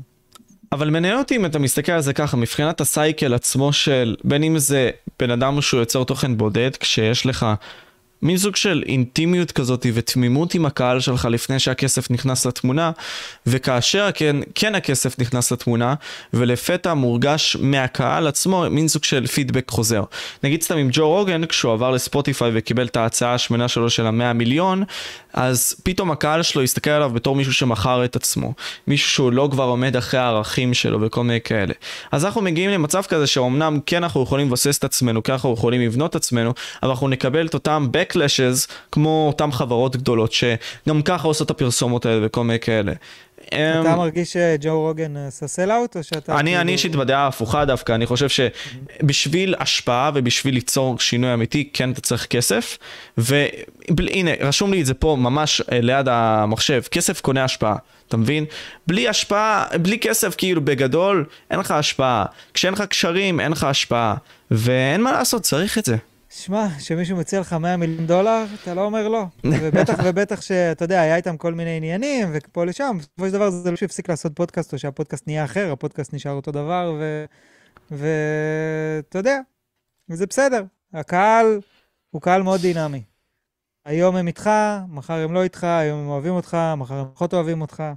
אני חייב להגיד שאני קיבלתי תגובות מדהימות מהקהל שלי, כי בגלל שהמון שנים לא היו ספונסרים, והקהל קיבל... המון ערך, ברגע שהיו ספונסרים, הם ידעו מה זה בשבילי, אתה מבין? הם ידעו מה זה בשבילי להתחיל לקבל כסף על הדבר הזה. או, ואני חשבתי שאני אראה ספונסרים, אז שאני אראה התנגדות. ואנשים בדיוק ההפך, אמרו, איזה כיף לראות שיש לך ספונסר בערוץ. אז יותר מזה, מה אני יכול לבקש? כאילו, זה לא 100 מיליון דולר, אבל זה כן כיף, אה, אתה יודע, שאתה יודע שהקהל שלך... אה, ואני, יש לי אמונה מאוד גדולה שאני חושב שהקהל לא צריך לשלם על הסרטונים האלה. הקהל צריך לקבל את הסרטונים האלה בחינם. בארצות הברית, כל הזמן מנסים לקחת כסף מהקהל. כן. ובעולם, כל הזמן אומרים, תעשה מועדון, תיקח להם 10 שקל פה, תיקח להם 10 דולר פה, תמכור להם מרץ', תעשה להם, תיקח להם, תיקח להם. אני אומר, לא, אני לא רוצה לקחת להם, למה שאני אקח להם? הם חבר'ה צעירים, או לא צעירים, שרוצים ללמוד על העולם, והאינפורמציה הזאת להם צריכה להיות בחינם. נגד, יש עסקים שמרוויחים מיליארדי דולרים כל שנה, הם צריכים לשלם על זה. הם צריכים לשלם בשביל להיות, ב... לקבל את העיניים של הקהל שלי, את, ה... את החיבור איתי ואת הקהל, הם צריכים לשלם על זה, לא הקהל. למה? יש להם מלא כסף, והקהל יחליט אם הוא רוצה לעשות את הקנייה הזאת או לא, anyway. אז, אז למה, שהם, למה שהקהל יוציא את הכסף? אני חושב שזה ממש לא... שזה לא מתאים, בטח ובטח בקהל הישראלי, שהוא פחות אוהב לשלם. אני, ובצדק. אתה חושב שהוא פחות אוהב לשלם בגלל, כמו שאתה אמרת, גיל ה-20 הזה, שהוא כאילו הקהל של יוטיוב בעיקרון, בישראל במיוחד, אה, למרות שבגיימינג זה הרבה יותר נמוך, בכללי הגיל של הקהל עצמו, אה, או שזה, כאילו, לדעתי זה פשוט עניין של הגיל, זה לא בגלל שהקהל עצמו לא רוצה לשלם, או שאני לא, טועה. אני חושב שגם מבוגרים לא אוהבים לשלם. תשמע, החיים במדינת ישראל ברמה הכלכלית הם מאוד קשים. יוקר המחיה, נכון. ואתה יודע, וכמה אתה משלם על תוכן? אני משלם על אפל מיוזיק, אני משלם על דיסני פלוס, אני משלם על יוטיוב uh, פרימיום, אני משלם על... Uh, אשתי משלמת על ספוטיפיי, ואז יש לי נטפליקס, ומשפחות אחרות גם יש להם יס, ויש לך אינטרנט, ויש לך מלא כסף. עכשיו אתה תשים עוד 10 דולר בחודש על יוטיובר שהוא אחד. הוא נותן לך ארבעה סרטונים בחודש, או אפילו הוא נותן לך שמונה סרטונים בחודש. אתה מבין? זה קשה, זה כאילו אתה אומר לעצמך, אבל כאילו, גם ככה נותן לי את זה, למה אני אשלם לו? באמת. ולא בקטע רע, לא בקטע שהם כאילו לא רוצים לתמוך. הם יושבים על האקסל שלהם, אם יש להם אקסל של סוף החודש, אומרים, בואנה, זה מלא, זה עוד, זה עוד איקס כסף בשנה, שגם ככה קשה. דלק, אוכל, ילדים, אה, שכירות, טה-טה-טה, זה כאילו מטורף. אז לאנשים אין את, ה... את הפנאי הזה לשים את האקסטרה, למרות שזה לא הרבה כסף. לשים את זה, ב... זה גם לא בתרבות שלנו, זה כמו שבארצות הברית הם נותנים טיפ על כל דבר. כן, פחות אדם, אנחנו. כן, בן אדם, בארץ אתה נותן טיפ למלצר, אתה, אתה, לא, אתה בקושי נותן טיפ בבית מלון לזה. שם בארצות הברית, כל בן אדם שעובר לידך אתה נותן לו טיפ. כי זה חלק מהתרבות שלהם, להעביר כסף, כל הזמן להעביר כסף. אז, אה, אז אני חושב שבארץ זה לא מתאים, ואני חושב שיש מספיק מפרסמים בארץ בשביל אה, כל הערוצי יוטיוב שקיימים כרגע, ו, ולא צריך לקחת כסף לקהל. קורא להם מרץ' זה סבבה, אם המרץ' מגניב וזה, אני בעניין, כי אז אתה באמת נותן להם משהו שמתחבר לערוץ, והם אוהבים, וכיף להם, זה סבבה. אבל... מישהו כתב בתגובות שמכסף אפשר להעלות את רמת ההפקה, זה לגמרי נכון. אני, כל הכסף מהערוץ שלי, אתה רואה אותו פה מסביבי. זה התאורה הזאת, זה המחשב הזה, זה המסך הזה, זה השולחן הזה, זה החצובה הזאת, זה המצלמות האלה. כל הכסף שנכנס אליי לערוץ, 90% ממנו הלך חזרה לערוץ. זה לא כמו מיסטר ביסט, שאתה יודע, הוא מטורף בכלל. שמרוויח 15 אלף דולר, ואז דבר ראשון נותן אותם להומלס, אבל ב- בתוך העולם שלי, מבחינתי, הכל הלך לערוץ. אין כאילו, אין באמת, גם כשהתחילו להיות רווחים, הכל הלך לערוץ. כי, כי אני רוצה שיהיה ערוץ יותר טוב. ככה בונים חברה בסופו של דבר. משקיעים הכל, בגלל זה קראתי מה לזה שאתה- סטארט-אפ. כן. כאילו, למרות שזה לא באמת... אה, אבל מה ש... נגיד סתם, אוקיי. קודם כל תתאר לי את התחושה, את ההבנה הזאת שחסויות נכנסות לך לפליי. כלומר, קודם כל, אתה רדפת אחרי החסויות האלה, החסויות האלה רדפו אחריך, לא, איך לא. זה עבד? אני- היה לי גישה, בנוסף לכל הגישות המוזרות שלי, הייתה לי גישה נוספת, שהמחיר שלי ממש ממש גבוה, על הוואן, כי אני אמרתי, אוקיי, אני מייצר פה משהו שאין. כרגע יש אחד כזה בישראל. כל עוד יש אחד כזה בישראל, אני, אני רוצה מחיר פרימיום. גם, אם אני, גם עוד לפני שהיה לי זה. ההצעות מחיר הראשונות שהיו לי, שנתתי, הם באותו מחיר שאני מבקש היום. פשוט היום משלמים לי את זה, ואז אמרו לי, אתה חי בסרט. ו... אה, אני... חלק מהחסויות, רוב החסויות פונים אליי. זאת אומרת, יש כל מיני אנשים שאני בקשר איתם כבר הרבה זמן, ואז פתאום יש להם תקציב, פתאום יש להם אה, אה, רעיון, פתאום הם רוצים לקדם משהו, פתאום הם פונים אליי עם איזה מוצר, הרוב מגיע מבחוץ. כי שוב, כמו שאמרתי לך, אין מחלקת שיווק. בשביל שכסף יבוא מבחוץ, צריך בן אדם שישב בדרך כלל בן אדם זה אתה, כי אתה יודע, אנחנו יוטיוברים, אנחנו עושים הכל לבד. אז אין אצלי את המחלקת שיווק הזאת, ואני גרוע בזה. אני, אין לי כוח להתחיל לרדוף אחרי אנשים, שאתה מתחיל גם... במוח שלי, אני יודע שברגע שאני פונה לבן אדם, אז אני צריך להתחיל לשכנע אותו.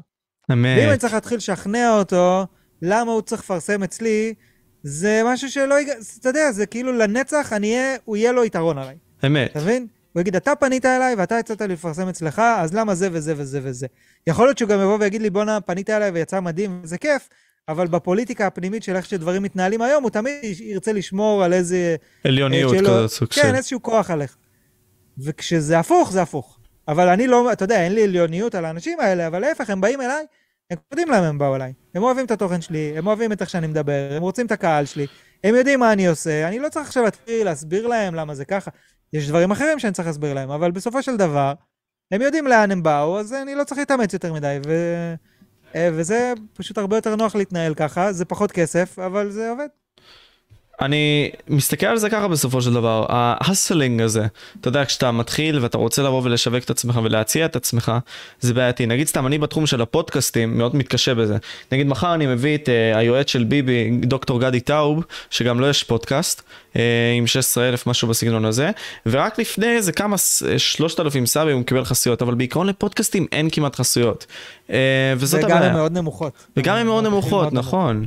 אז איך אתה תופס את זה גם? כלומר, האם אנחנו צריכים לבוא ולפנות ולעשות סוג של הסלינג בקטע הזה? או שאתה עדיין שומר על הגישה הזאת של לא ניתן להם את האדג', כאילו, לא ניתן להם את היתרון עלינו? לא, זה, תשמע, זה לא הגישה הנכונה אצלי, זה, אצלי זה הגישה הקלה.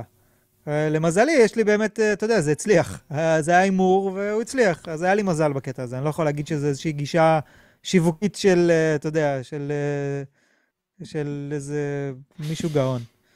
אה, צריך להתקשר וצריך לעשות- קשרים, צריך ללכת לאירועים, צריך לפגוש אנשים, כי בלי הקשרים האלה, לבן אדם יהיה תקציב, הוא ייתן אותו למישהו אחר. אבל אם אתה תשמור איתו על קשר, ת, תעשה איתו דברים טובים, הוא יהיה מבסוט, אז שיהיה לו תקציב, הוא יבוא אליך. אה, ברמת העיקרון, אני שוב, אני ממש מאמין שאני צריך לשים פה בן אדם שיתקשר לאנשים ויסגור דברים. עם הזמן אתה ו- תעשה את ה outsourcing. כן, בסוף אני מאמין שזה יקרה. אה, ולגבי הפודקאסטים, אתה יודע, זה גם, זה די דומה לטכנולוגיה כמו שהייתה... כאילו, זה לא בדיוק, יש מלא פודקאסטים, זה פשוט, כאילו, באמת, כמות הפודקאסטים שיש היא מטורפת. בארץ יש אתה מגלה- 900 אם אני לא טועה. כן, כל יום אתה מגלה עוד פודקאסט חדש, וכמובן שרובם לא, לא באמת אה, מגיעים להרבה אנשים, וגם לא הרבה אנשים עושים את מה שאתה עושה, שזה פודקאסט ביוטיוב, שבעיניי זה משהו שהוא מאוד חשוב. זאת אומרת, אני בפודקאסט שלי עם בן מה קיסר השטק? ו... והשטק, אה, אה, הכמות צפיות שיש לנו ב... ביוטיוב היא הצלחה מטורפת ביחס, כאילו, לצפ... לכמות האזנות שיש לנו ב... ספוטיפיי. אה, כמה יש לכם בכללי? לי יש נגיד סתם אלף בחודש. אז היינו באזור ה-3,000 לחודש, משהו כזה, ולפרק, סליחה, לא בחודש. אה, לפרק, וואו, וואו. כן. אוף, יפה. בין 2,500 ל-3,000 לפרק, וביוטיוב 10,000, 15,000, אתה יודע, שזה מטורף. איזה מוזר זה, אצלי זה דיסוננס מוחלט אז אם ככה אתה אומר לי. זה הזיה? אה, תשמע, זה פודקאסטים זה עולם אחר. אני, שעשיתי את הפודקאסט שלי לבד, אנרגיה גרעינית, היכה בי פעם ראשונה. כי אני אמרתי, אוקיי, סבבה, אני רוצה 40 אלף האזנות לפודקאסט שלי, ברור. ואז ראיתי שאני מקבל אלף. מקבל 2,000 לפרק. אני כאילו, מה קורה כאן? איפה כל ה-100 אלף אנשים שעוקבים אחריי? למה הם לא שומעים פודקאסטים? כי הם לא שומעים פודקאסטים. פודקאסטים זה עוד יותר קשה מיוטיוב. כי הזמן שיש לבן אדם לפודקאסט ביום הוא מאוד מאוד קצר, והוא בוחר אחד או שניים, גם אני מכיר את עצמי. אני לא יכול לשמוע יותר משלושה פודקאסטים, אין לי מקום במוח לזה, אתה מבין? אני לא... מגיע, מעטות הפעמים בשבוע שאני אומר, חסר לי פרק. תמיד יש לי מאלה שאני שומע מהם פרק לשמוע. כן, אני זוכר, יש- ואני אתה רואה- שלושה. אתה רואה Dream Dream, לא נכון? אם אני לא טועה? אתה שומע Dream אה, Dream? לא, Dream a Dream זה, זה פודקאסט ש... Dream a Dream, ש... שעזרתי למישהו להקים. אה, זה לא... זה לא אה, זה פודקאסט- סתם פשוט קפץ לי המוח כזה, אז כן. עשיתי אסוציאטיבית את הדברים, אבל בכללי, פשוט כל האנימול גיים הזה של הפודקאסטים, זה עניין מסוים שאני לא תופס. איך אתה נגיד סתם ניסית להרים את הפודקאסט שלך בספוטיפיי? האם בכלל התרכזת על זה כל כך לעשות את זה? אז אני חושב שהאישית עוד לא פיצחתי עד הסוף את העניין של פודקאסטים.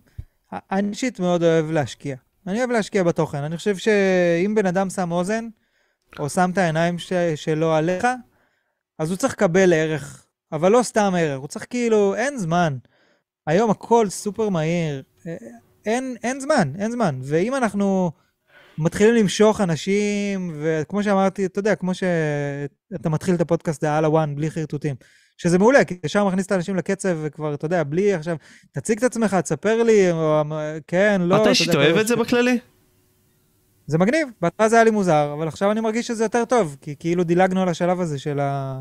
לא, לא, בכללי, מה, מה אתה מעדיף, נגיד סתם, סתם מתוך עניין, בכללי, שמציגים אותך, שפונים אליך, אם נגיד היה לך, סתם דוגמה, פודקאסט עם אנשים, מה היית נגיד סתם עושה? מעניין. חושב שזה, אני חושב שזה נופל על מקום של כבוד כזה, ואגו. זאת אומרת, אה, בן אדם שבא ומתארח אצלך, עכשיו אני מתארח אצלך בפודקאסט, זה כאילו אני בא אליך לסלון, אני בא אליך הביתה. אז אם אתה מתחיל להגיד עליי דברים, תראו, זה אלון גריני, יש לו כזה, יש לו כזה, אתה כאילו, אני רואה שעשית עליי תחקיר, אני רואה שראית פודקאסטים שהשתתפתי בהם, עברת על הערוצים שלהם, ממה שאתה שואל אותי, אני יודע שעשית את זה. וזה נותן לי את הרגשה שאתה יודע, שאנחנו לא סתם, שלא סתם עלית לשיחה וההשקעה הזאת שהתכוון, שדיברנו עליה קודם. כן. אה, אז הפתיח הזה כן יכול לתת איזושהי הרגשה נעימה כזאת של זה, אבל יכול להיות שזה לא, שזה דווקא, לאו דווקא הדבר הנכון. כאילו, אני אגיד לך איפה זה היה לי מוזר, פתחתי פודקאסט אחר שלך והתחלתי לראות אותו מההתחלה, וכאילו ישר התחלת לדבר. התחלתם לדבר כזה ואני לא ידעתי מה קורה. ו... אבל אחרי כמה שניות שכבר הייתי בתוך הפודקאסט, זה כבר לא שינה לי כל כך. אתה מבין? Mm. אז אה, דווקא יש לזה קטע מגניב. הבנתי אותך. בכללי אני אשאל שאלה כזאת אז, כלומר, אה, האשטק בסופו של דבר מצליח באיזשהו מקום להשפיע על הרבה מאוד אנשים. סוג של, תשמע, בסופו של דבר פודקאסטים, עוד פעם, אנחנו לא מדברים פה עכשיו על ערוץ של אלון גריני, כן? שהוא גם משפיע לא מעט. אה, מה בכלל הייתה השאיפה לעשות את האשטק בכללי? אמרת אנרגיה גרעינית, כל מיני כאלה. מה השאיפה הייתה לעשות את כל הדברים האלה? אז הפודקאסט, דבר שאני מאוד אוהב פודקאסטים. ואני רוצה, רוצה לעשות יותר, ורוצה שיהיה לי פודקאסט מצליח, יש לי שאיפה כזאת בחיים. אה, ולעשות את הפודקאסט לבד, האנרגיה הגרעינית, היה לי קשה, כי זה הייתי צריך לעשות לבד, ודיברתי עם עצמי, ואתה שעה מדבר עם עצמך, זה הרגיש לי שזה משעמם. ואני כאילו, כל התוכן שאני עושה, זה אמר את זה אוהד ממטיילים בארץ, זה תוכן שאני אוהב לראות. אני רוצה לראות, ואני עושה את מה שאני אוהב לראות, כי זה הכי אותנטי מבחינתי. ובפודקאסטים לא הצלחתי להגיע לזה, ואז באשטק הקטע היה להביא משהו אחר, גם אנשים אחרים, לעבוד איתם ולא לעבוד לבד, אני כל היום עובד לבד. אז באשטק זה היה קטע של לעבוד ולעשות משהו ביחד, אה, ולהביא אנשים כמו בן וכמו שי, שהם כל אחד מפלצת במה שהוא עושה, אה, חשבתי שיהיה לזה קטע, לזה, ויש לזה קטע, זה ממש מגניב, כאילו זה כיף. זה עדיין לא מצליח כמו שהייתי רוצה שזה יצליח, ואולי זה פשוט אומר משהו או על איך שאנחנו עושים דברים לא מספיק טוב, או על תעשיית הפודקאסטים. ואתה יודע, ותמיד, אה, כמו שאמרתי לך, עוד לא, עוד לא הרגשתי שפיצחתי פודקאסט טכנולוגי מגניב בעברית, כאילו, כמו שצריך. אה, מה שעושים בכל הוויינטים וכאלה, אתה יודע, גם היום ש... שאנחנו אומרים, כאילו, העולם מתחלק, במדינת ישראל זה מתחלק לשתיים. יש אנשים שאומרים טכנולוגיה, הם מתכוונים לגאדג'טים, למה שקורה בעולם הטכנולוגי של אה, אפל, גוגל, פייסבוק וטסלה וכל החברות האלה. ויש את מי שאומר טכנולוגיה ובכלל מתכוון לסטארט-אפים ופיתוחים שבאים מישראל ולעולם הזה. עכשיו, כל ה-ynet, כלכליסט, דה מרקר, כל הזקנים, הארץ, סתם, הם לא זקנים. הם פונים לבומרים גישה... פשוט, נו, מה נעשה? לא, הם פונים לבומרים, אבל הם גם רוצים את הקהל האליטיסטי של הסטארט-אפיסטים והמתכנתים. אתה מבין? הם רוצים את הקהל הזה. ושם יש גם כסף. כי בגיוסים יש מלא כסף, ולחברות האלה יש תקציבי פרסום, ויש מלא, אתה יודע, מלא עניין סביב זה, למרות שאין הרבה קהל. יש מעט מאוד קהל לדבר הזה, כי... כי אין הרבה אנשים בארץ. אני חושב שפעם שעברה שמעתי פודקאסט, אה, היה אז פודקאסט מעניין על טכנולוגיה, על הייטק, אני לא זוכר, שכחתי את השם שלו. אוקיי, מעניין. אה, אבל הם אה, אמרו שיש איזה 18 אלף עובדים בהייטק בישראל. אז בוא נגיד שמאז נהיה 20 אלף עובדים, או 15, 25 אלף, זה לא הרבה. זה ממש תחום מאוד מאוד נישתי. למרות שהוא מגלגל כל כך הרבה כסף. אה, וה, והטכנולוגיה שאנחנו מתעסקים בה היא כאילו לא נחשבת טכנולוגיה, לא, זה גאדג'טים. אתה מבין? ואני לא מתחבר לזה, כי תראה איזה respect נותנים לזה בחו"ל. ברור. מבין, איזה prestige יש גם ליוטיוברים וגם לאתרים כמו The Verge וכמו, אה, וואו, מיליון כאילו, אה, אפילו, אפילו כאילו האתרים הגדולים כמו בלומברג ו... ווול סטריט ג'ורנל וניו יורק טיימס, לכולם יש סרטוני טכנולוגיה אמיתיים, כאילו גאדג'טים וטכנולוגיה מטורפים, שבארץ זה לא קיים. שזה הזוי, אתה אומר לעצמך, איך יכול להיות ל-ynet אין סרטוני טכנולוגיה, לוואלה אין סרטוני טכנולוגיה, לגיק טיים אין סרטוני טכנולוגיה, אף אחד, כאילו. אבל למה זה עובד אחד- ככה בפועל? מה, נגיד סתם, תקשיב, קודם כל ביוטיוב ה-CPM פה של ערוצי הטכנולוגיה הכי גדול, בסופו של דבר, נכון? אם אני לא טועה. בגדול. סביר להניח. סביר להניח. אתה, מס... אתה יודע את הנתונים שלך בנוגע ל-CPM? שלי? כן. של, של. אה, מרקס זה 50 שקל בכללי. מה? 50 שקל. 50 שקל לאלף קליקים? כן. לא, ה-CPM שלו, אה, כן, CPM. וואו, זה גבוה. זה מאוד. גבוה. הוא גם בפרימיום וגם, אה, אתה יודע, מן הסתם שרוצים שיהיה מודעות בסרטונים שלו. אז בכללי אתה אומר אה, שזה יודע, בגלל CPM הכסף? שלי נע בחמש דולר, אתה יודע, זה כאילו... כן? כן. מעניין. זה מה שבארץ זה בין חמש לשמונה, אין לך יותר גבוה מזה. וואלה, מעניין. אולי זה גבוה במי שמדבר על כלכלה, ואז זה מכניס טיפה יותר. מעניין. אבל אה, אין, אין כזה, אין מפרסמים ביוטיוב. כאילו, ועכשיו זה גם ירד, כי המפרסמים התחילו לפרסם בטיקטוק במקום ביוטיוב. איך זה תופס אותך?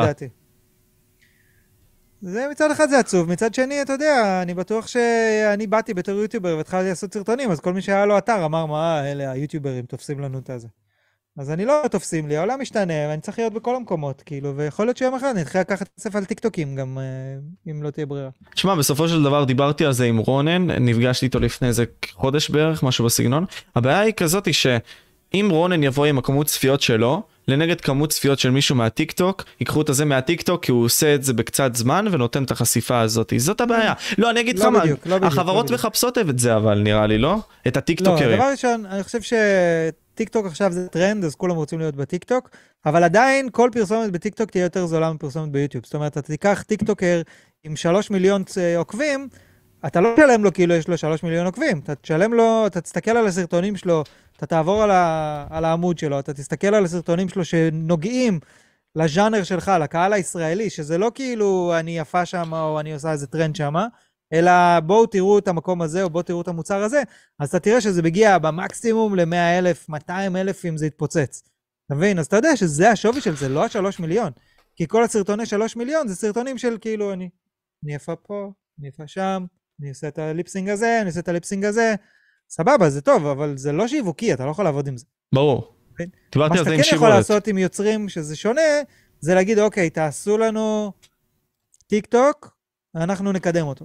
ואז הם יעשו להם טיק טוק טוב עם המוצר או הסיפור, ואז הם פשוט שופכים על זה מלא כסף, אה, וזה... אה, וזה, אתה יודע. אבל עדיין יוטיובר יעלה יותר כסף, כי יוטיובר יודע שבשביל להגיע לקהל הממוקד שלו, עכשיו זה לא הימור שאני מעלה סרטון ואני לא יודע כמה צפיות יהיו לו. אני יודע, בן אדם בא איתי, מתקשר אליי, אני רוצה לעשות שת"פ על מוצר, על uh, טכנולוגיה חדשה כזאת וכזאת. אז אני אומר לו, תשמע, אני יודע שסרטון על טכנולוגיה שהוא לא אייפון ולא גלקסי אצלי בערוץ, יביא לך 30 אלף צפיות בשבוע הראשון. זה מה שזה שווה. נכון. זה מה שאני מוכר לך, אני לא... אז... וזה לא צפייה של 10 שניות, אתה יודע, אני יודע שהם יצפו בזה 4 דקות. הקהל שלך איכותי, נקודה, כי עצם כן. העובדה של יוטיוב זה קהילתיות. אוקיי. זה, אז באמת. בגלל זה אני יכול לקחת על זה מחיר גבוה. אתה מבין, טיקטוקר, יהיה לו קשה לעשות כזה דבר. למרות שהנה, ראיתי עכשיו את דני, אה, זה עשה שת"פ עם אה, בנק ישראל, להראות איך, אה, אה, עם שטרות, איך מזהים שטרות מזויפים. מה אתה אומר? זה דווקא מגניב, הוא באמת בן אדם שנותן ערך, אבל מבחינתי, זה, הוא, הוא לא טיקטוקר רגיל, הוא טיקטוקר יוטיובר מבחינתי. כן, זה מה, ש... זה מה שהסוכן של מיסטר ביסט אומר, שבסופו של יום, איך אתה תבוא ותמתג מישהו מהטיק טוק, כאילו, אין, אין, אין להם added value, ה- added value שלהם זה הרלוונטיות. ומיכה סטוקס פה אומר שבסופו של יום, בדיוק אה. טכ... אז בוא, כל העניין הזה של טכנולוגיה ואתרים וכל מיני כאלה, אה, זה דברים שבאים וחסר אותם, הקהל צמא לדברים כאלה, זה למה אנשים כמוך, ברור, תוכן ש- וידאו היום זה אש. בדיוק, שמע, אנשים כמוך, נועם פירוז, מיכה סטוקס, כל האנשים האלה, Crypto Jungle, אנשים שבסופו של יום, בז'אנרים השונים שלהם כמובן, נותנים את הערך הזה שהאחרים לא נותנים. אתם תופסים את הנחלה הזאת, ואז הם יצטרכו אתכם, לא אתם, אתם אותם, זה הקטע לדעתי. כן, אנחנו לא צריכים, אתה יודע, כאילו, אני לא מרגיש שהם צריכים אותי ואני לא צריך אותם. מי, ש... מי שמשנה כאן, בסופו של דבר, זה המשווקים והמפרסמים. זה מה שמשנה. כי... כי אני רוצה להתקיים. אני לא אכפת לי אם אני יותר חזק מגיק טיים או פחות חזק מגיק טיים, לא אכפת לי, זה לא מעניין אותי, זה לא עושה לי כלום. אני לא בז'אנר שלהם בכלל, אני לא בזה. בתור צופה הייתי שמח שהיה לתי- לגיק טיים סרטוני וידאו איכותיים. כי אני אומר לעצמי, אם הם יודעים לעשות כאלה כתבות, והם כל כך מעורים, ויש שם כל כך הרבה אנשים אינטליגנטים, אז, אז וידאוים שלהם יהיו מעניינים, כמו וידאוים של The Verge, אני לא יודע אם אתה רואה The Verge אה, אני. אני רואה, אבל לא הרבה. אבל הווידאוים שלהם מדהימים, או פעם בכמה זמן, אתה יודע, מוציאים, שולפים לך איזה סרטון שיש, בסופו של דבר למערכת, מערכת של תוכן, יכולה לייצר תוכן יותר טוב מאשר בן אדם לבד. אין מה לעשות, כי אתה מושיב על זה תחקירן, ואתה מושיב על זה במאי, ואתה מושיב על זה צלם, ואתה מושיב על זה עורך, ואתה מושיב על זה תסריטאי. ביחד הם ייצרו, רוב הסיכויים, תוכן שהוא יותר טוב ממה שבן אדם יעשה לבד. זה גם ייקח קצת יותר זמן, וזה תהליך טיפה יותר מורכב, אבל אתה יכול לקבל תוכן מאוד איכותי, שאני לא יכול לייצר כזה. הלוואי והייתה לי מערכת uh, מאחוריי פה, שאתה יודע, כמו שיש לליינוס, או כמו שיש ל-MKBHD, בשביל להביא אותם לרמה הזאת של הסרטונים שהם עושים. Uh, אבל זה חבל, ומצד שני, אתה יודע, לא אכפת לי לתפוס את המקום הזה, כאילו, אם הם לא... למרות שאני לא חושב שאני מתחרש להם גם בזה, אני חושב שהם יכולים לעשות סרטונים שאני לא אעשה אף פעם, ואצלם זה יעבוד. תוכן שפשוט הוא לא רלוונטי לקהל שלי ולערוץ שלי. ושהם כן יכולים לעשות. במקרה הזה אני אומר גיק טיים, אני מתכוון לכל האחרים, זה אותו דבר מבחינתי. כן. אה, כלכליסט, דה מרקר אה, וכו'. לא, ברור, ברור. וניקח גם כמה שאלות מהקהל, אתה יודע, יש פה הרבה מאוד כאלה שצמאים לשמוע את הדעות שלך שרוצים לדעת למה אני לא עם אפל וואץ'. כן, בין כה וכה, אז תסביר. אה, דבר ראשון, אני עם הגלקסי, כי עכשיו אני עם הפולד. אופס. וואו. עכשיו אני עם ה fold, כי אני בדיוק עשיתי סקירה ל flip. עכשיו אני עושה סקירה על ה fold, ואני אוהב שעון חכם, אני צריך שעון טוב, אז שעון ה-Galaxy Watch 4 הוא אחלה שעון. עוד מעט יבוא גם ה-Watch 5. אה, אז ה-Apple Watch יצא לפגרה עד ש... לפי דעתי, עד האייפון 14 אני לא אחזור לאייפון, וואו. אני אקח קצת הפסקה. אבל כן, תגיד. לי, ההתחייבות הזאת למוצרים אצלך, איך זה תופס אותך? כי אה, כל פעם מוצר חדש, כל פעם יש משהו חדש וכל מיני כאלה. אין את המימד הזה של החיבור למוצר כל כך. אתה אומנם מתחבר לחברה, שזה נגיד סתם אפל, אבל אתה לא מתחבר למוצר, כי זה הכל הולך מהר. אתה מרגיש את זה אצלך? אה, לא, דבר שאני יותר מתחבר למוצרים מאשר שאני מתחבר לחברה. אני אגיד לך את האמת. וואלה. כי כאילו, אתה יודע, אומרים אפליסט, ויש לי הרבה מוצרים של אפל, לא אכפת לי מהם, אתה יודע, אני גם לא משקיע בהם, אז לא אכפת לי שהם יקרסו אפילו, אתה יודע. וואלה. אה, לא, לא אכפת לי. אבל אתה אני- משתמש בהם, אז למה אתה לא משקיע בהם בפועל? אני לא... אה, לפי דעתי, אפל כרגע, אתה יודע, זו ההשקעה הכי בטוחה בערך שיש ב... ב... במניות, אני לא אכנס פה לעולם של מיכה, אבל זה כאילו, אתה יודע, אתה יודע שיש לך שם איזה 4, 5, 6 אחוז בשנה, פחות או יותר, לא משנה מה יקרה. וזה מדהים מצד אחד. מצד שני, כאילו, סבבה, א- אין לי באמת עניין עם אפל, אני לא חושב שהם גאונים, או שאני מער... אני לא מעריץ אותם, ממש לא, אני חושב שהם חברה כלכלית שהמטרה שלה זה להרוויח כסף, ואני לא, אתה יודע, והם לא חברים שלי או משהו כזה. לא שהם יגידו, אוי, אלון גריני הוא, הוא משתמש באפל, אז הוא אחלה גבר או משהו כזה. לאף אחד לא, להם לא אכפת ממני, ולי לא באמת אכפת מהם. אני כן אוהב את המוצרים שלהם. המוצרים שלהם עוזרים לי לעב, לעבוד יותר טוב. הלפטופ שלהם גורם לי לעשות את הסרטונים שלי יותר מהר. השעון שלהם והאפל, וה, והאייפון עוזרים לי לנהל את ה social media שלי בצורה יותר טובה. אמ, אפל זה הבורסה, מיכה, מיכה אומר. איזה באסה אה, שטסלה קרסה לאט לאט, מה נעשה? לא, לא, הוא חושב שיש לי איזה inside, שאני זיהיתי כאן איזה משהו. לא, אני חושב שאפל הם ממש, אה, ממש בעניין. אם חברה אחת שהולכת לעקוף, יש חברה אחת שיכולה לעקוף את אה, אפל, וזה באמת החברה היחידה שאני משקיע בה, כמעט היחידה. אה, וזו טסלה, שזה באמת החברה של אפל מלפני כמה שנים, ואפילו אפל לא עשו את מה שטסלה עשו. אה, גם יותר חיבור אוקיי. לצרכן עצמו, כלומר, אתה עכשיו בא ורואה את כל הסיפורים שלהם, גם מאסק עצמו הוא דמות מטורפת. אמ, פשוט קשה שלא להתחבר לחברה הזאת בכללי, ומה שהם עושים זה תוצאות מניבות וטובות בכללי. אה, הם לא עושים רק דברים טובים, הם רק מראים לנו את הדברים הטובים. אתה יודע, יש את הבדיחה הזאת של אה, ריקי ג'רווייס, אתה מכיר אותו? ריקי ג'רוויס מכיר. אז הוא, אה, הוא היה מנחה את טקס. הגולדן גלוב. אה, גולדן גלוב זה היה? כן. כן, הוא עושה את זה חמש פעמים רצוף, ובפעם האחרונה הוא דיבר על The Morning Show, שזה התוכנית של אפל. ואז הוא זרק שם הערה על זה שכאילו התוכנית של אפל, שאומרת לנו שאנחנו צריכים להיות uh, יותר טובים וזה, סליחה, הופקה על ידי חברה שמעסיקה ילדים בחמש דולר בסין. אה, נו, אז תמיד לוגי. אפשרי לרדת לרזולוציות האלה, זה במאה אחוז. לא, תשמע, כל החברות האלה הן לא חברות שלנו. הן חברות שהמטרה שלהן, כמובן שהם מפתחים את הטכנולוגיה וזה וזה, ויש כל הסיפור הזה שהוא מאוד חשוב, אני לא אגיד שלא. בסופו של דבר, חברות כלכליות, המטרה שלהן זה להראות רווחים יותר גבוהים מהרבעון הקודם. זאת המטרה האמיתית שלהם. כל השאר, וזה הבעיה בעולם הקפיטליסטי שאנחנו חיים בו. הרווח, ותראה את פייסבוק. פייסבוק חברה מדהימה, יכולה לעשות דברים מטורפים, אבל מה שמעניין אותם בסופו של דבר זה להיות יותר גדולים, יותר רשומים, יותר כסף בסוף הרבעון.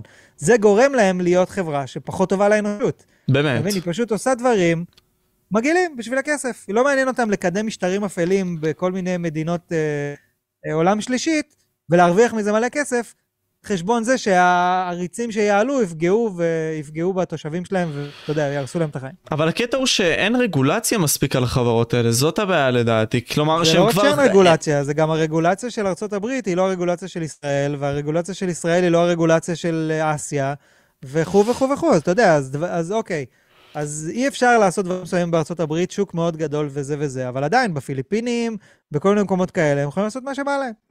אה, כמעט, עד שעוצרים אותם. ואתה יודע, בסופו של דבר גם, אף אחד לא באמת, אה, אף אחד לא באמת יודע, זה כל פעם כזה מגיע באיחור של אחרי שקרה משהו נורא, אז באה רגולציה לשנות. אז החברות האלה הן לא חברות שלנו. הן עושות דברים מדהימים, הן נותנות להם מוצרים טובים, הן לא חברות שלנו. אז בגלל זה יותר קל לי להתחבר למוצר, אתה מבין? כי המוצר הזה, זה מה שעושה לי חוויה יותר טובה, לא סמסונג. סמסונג פיתחו את זה, סבבה, אבל הדבר הזה ספציפית גורם לי את ההתרגשות, את הכיף, את ה... לצלם, ל... אתה יודע, אז דווקא כן יש חיבור יותר למוצרים, פחות לחברות. הבנתי אותך, בתועלת שהם מביאים לך בסופו של דבר. בכללי, מתן יתום שואל אותך, אלון, אתה חושב שחברה חדשה של טלפונים יכולה להצליח ולהגיע לרמה של אפל וסמסונג? אה, חשבתי ככה פעם, שהיה את OnePlus, אבל אז הם כאילו התייאשו והפכו להיות חברה מאפנה. ועכשיו יש את Nothing, שכאילו חברה הכי חדשה שאני מכיר. מה אתה חושב על Nothing דרך אגב? אה, אני חושב שה Nothing חברה מאוד מגניבה, והם הצליחו ברמה השיווקית לעשות הייפ. אני רואה את זה מהסרטונים שלי. אה, עשיתי סרטון על ה-Nothing Phone, הגיע ל-71 אלף צפיות, כאילו על טלפון שהביאו כמה, 2,000 יחידות ממנו לארץ? 3,000 יחידות למכור, כאילו? זה אנשים בטירוף עליו, ממש מעניין, הייפ מפגר, אה, אחלה אוזניות, הם עשו מהלך מאוד מגניב. הטלפון עצמו בעיניי לא מספיק טוב, הוא כאילו מייצר בלבול, הוא נראה כמו אייפון, מרגיש כמו מכשיר דגל, הוא מתנהג כמו אה, A73. ו- ואתה יודע, וזה מבלבל, ולא אהבתי על החיבור הזה. כי אני אומר, אם אתה כבר מעוצב כל כך טוב, אז תשימו בפנים גם שהוא יהיה הכי טוב, וזה פשוט יהיה הטלפון הכי טוב. למה לפחד לעשות את הטלפון הכי טוב? אה, וזה קצת, אה, קצת ביאס אותי, אבל אתה יודע, זה כמו לשאול האם אפשר אה, להיות יוטיובר עדיין ב-2022, אפשר להתחיל להיות יוטיובר. הרבה אנשים יגידו לך שלא, אני חושב שכן, אפשר, אם אתה תביא משהו אחר, תביא איזה משהו שאף אחד לא זה. אמ, אתה תצליח. אגב, אם טסלה החליטו שהם עושים טלפון, יש להם סיכוי להפוך להיות אחת חברות הטלפונים הכי גדולות בעולם.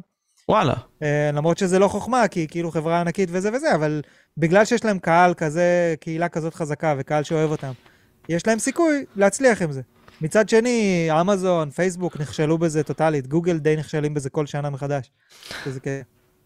למה אתה חושב שבכללי גוגל לא תצליח לעשות אבל אבל מאיפה זה מגיע זה מגיע מהקהילתיות הזאת שנוצרת אצל אותן חברות שמראות שאולי הקהילה לא מספיק חזקה ולא תומכת כל כך בחברה עצמה או אמנם היא יכולה להשקיע בה אבל היא משקיעה בה מהסיבות אולי הלא הנכונות בכללי מהסיבה הזאת שכן מכניסים הכי הרבה כסף אבל לא עושים את הדברים הנכונים אתה מבין מה אני אומר? כן, אני חושב שהקהילתיות היא שונה טיפה בין חברה לחברה, אבל uh, אני חושב ש... Uh, נגיד הקהילתיות של אפל היא מאוד מאוד חזקה בארצות הברית, מאוד חזקה, וגם במקומות אחרים, אבל אתה, תלך, uh, אם יצא לך להיות בניו יורק, אתה לא בן אדם שמחזיק אנדרואיד, כולם עם איירפודס ועם אייפון, בכל פינה, וזה משהו שהוא די מדהים, וגם, זו חברה אמריקאית, היום יש שתי חברות אמריקאיות שמייצרות טלפונים, אולי שלוש, עם מוטורולה, אבל היא לא בדיוק אה, זה. וזה זה די מטורף. אה, סמסונג גם, הקהילה שלהם היא מאוד מאוד חזקה, אבל אתה יודע, אם תסתכל על סדרות קוריאניות, אתה לא תראה אף בן אדם שלא, שלא מחזיק אה, גלקסי. מדהים. באמת. אה, ו... אבל אני חושב שדווקא זה הולך למקום אחר, אני חושב שיש זה, זה על הרגל. אני חושב שבן אדם, בתחילת הדרך, היה לך שלוש אופציות, היה לך LG, סמסונג או אפל. זה שלוש האופציות לקנות טלפונים. כל השאר היו גרועים או גרועים מאוד. כל מיני HTC וזה שאולי היו בסדר, אבל החברות כאילו לא באמת שרדו.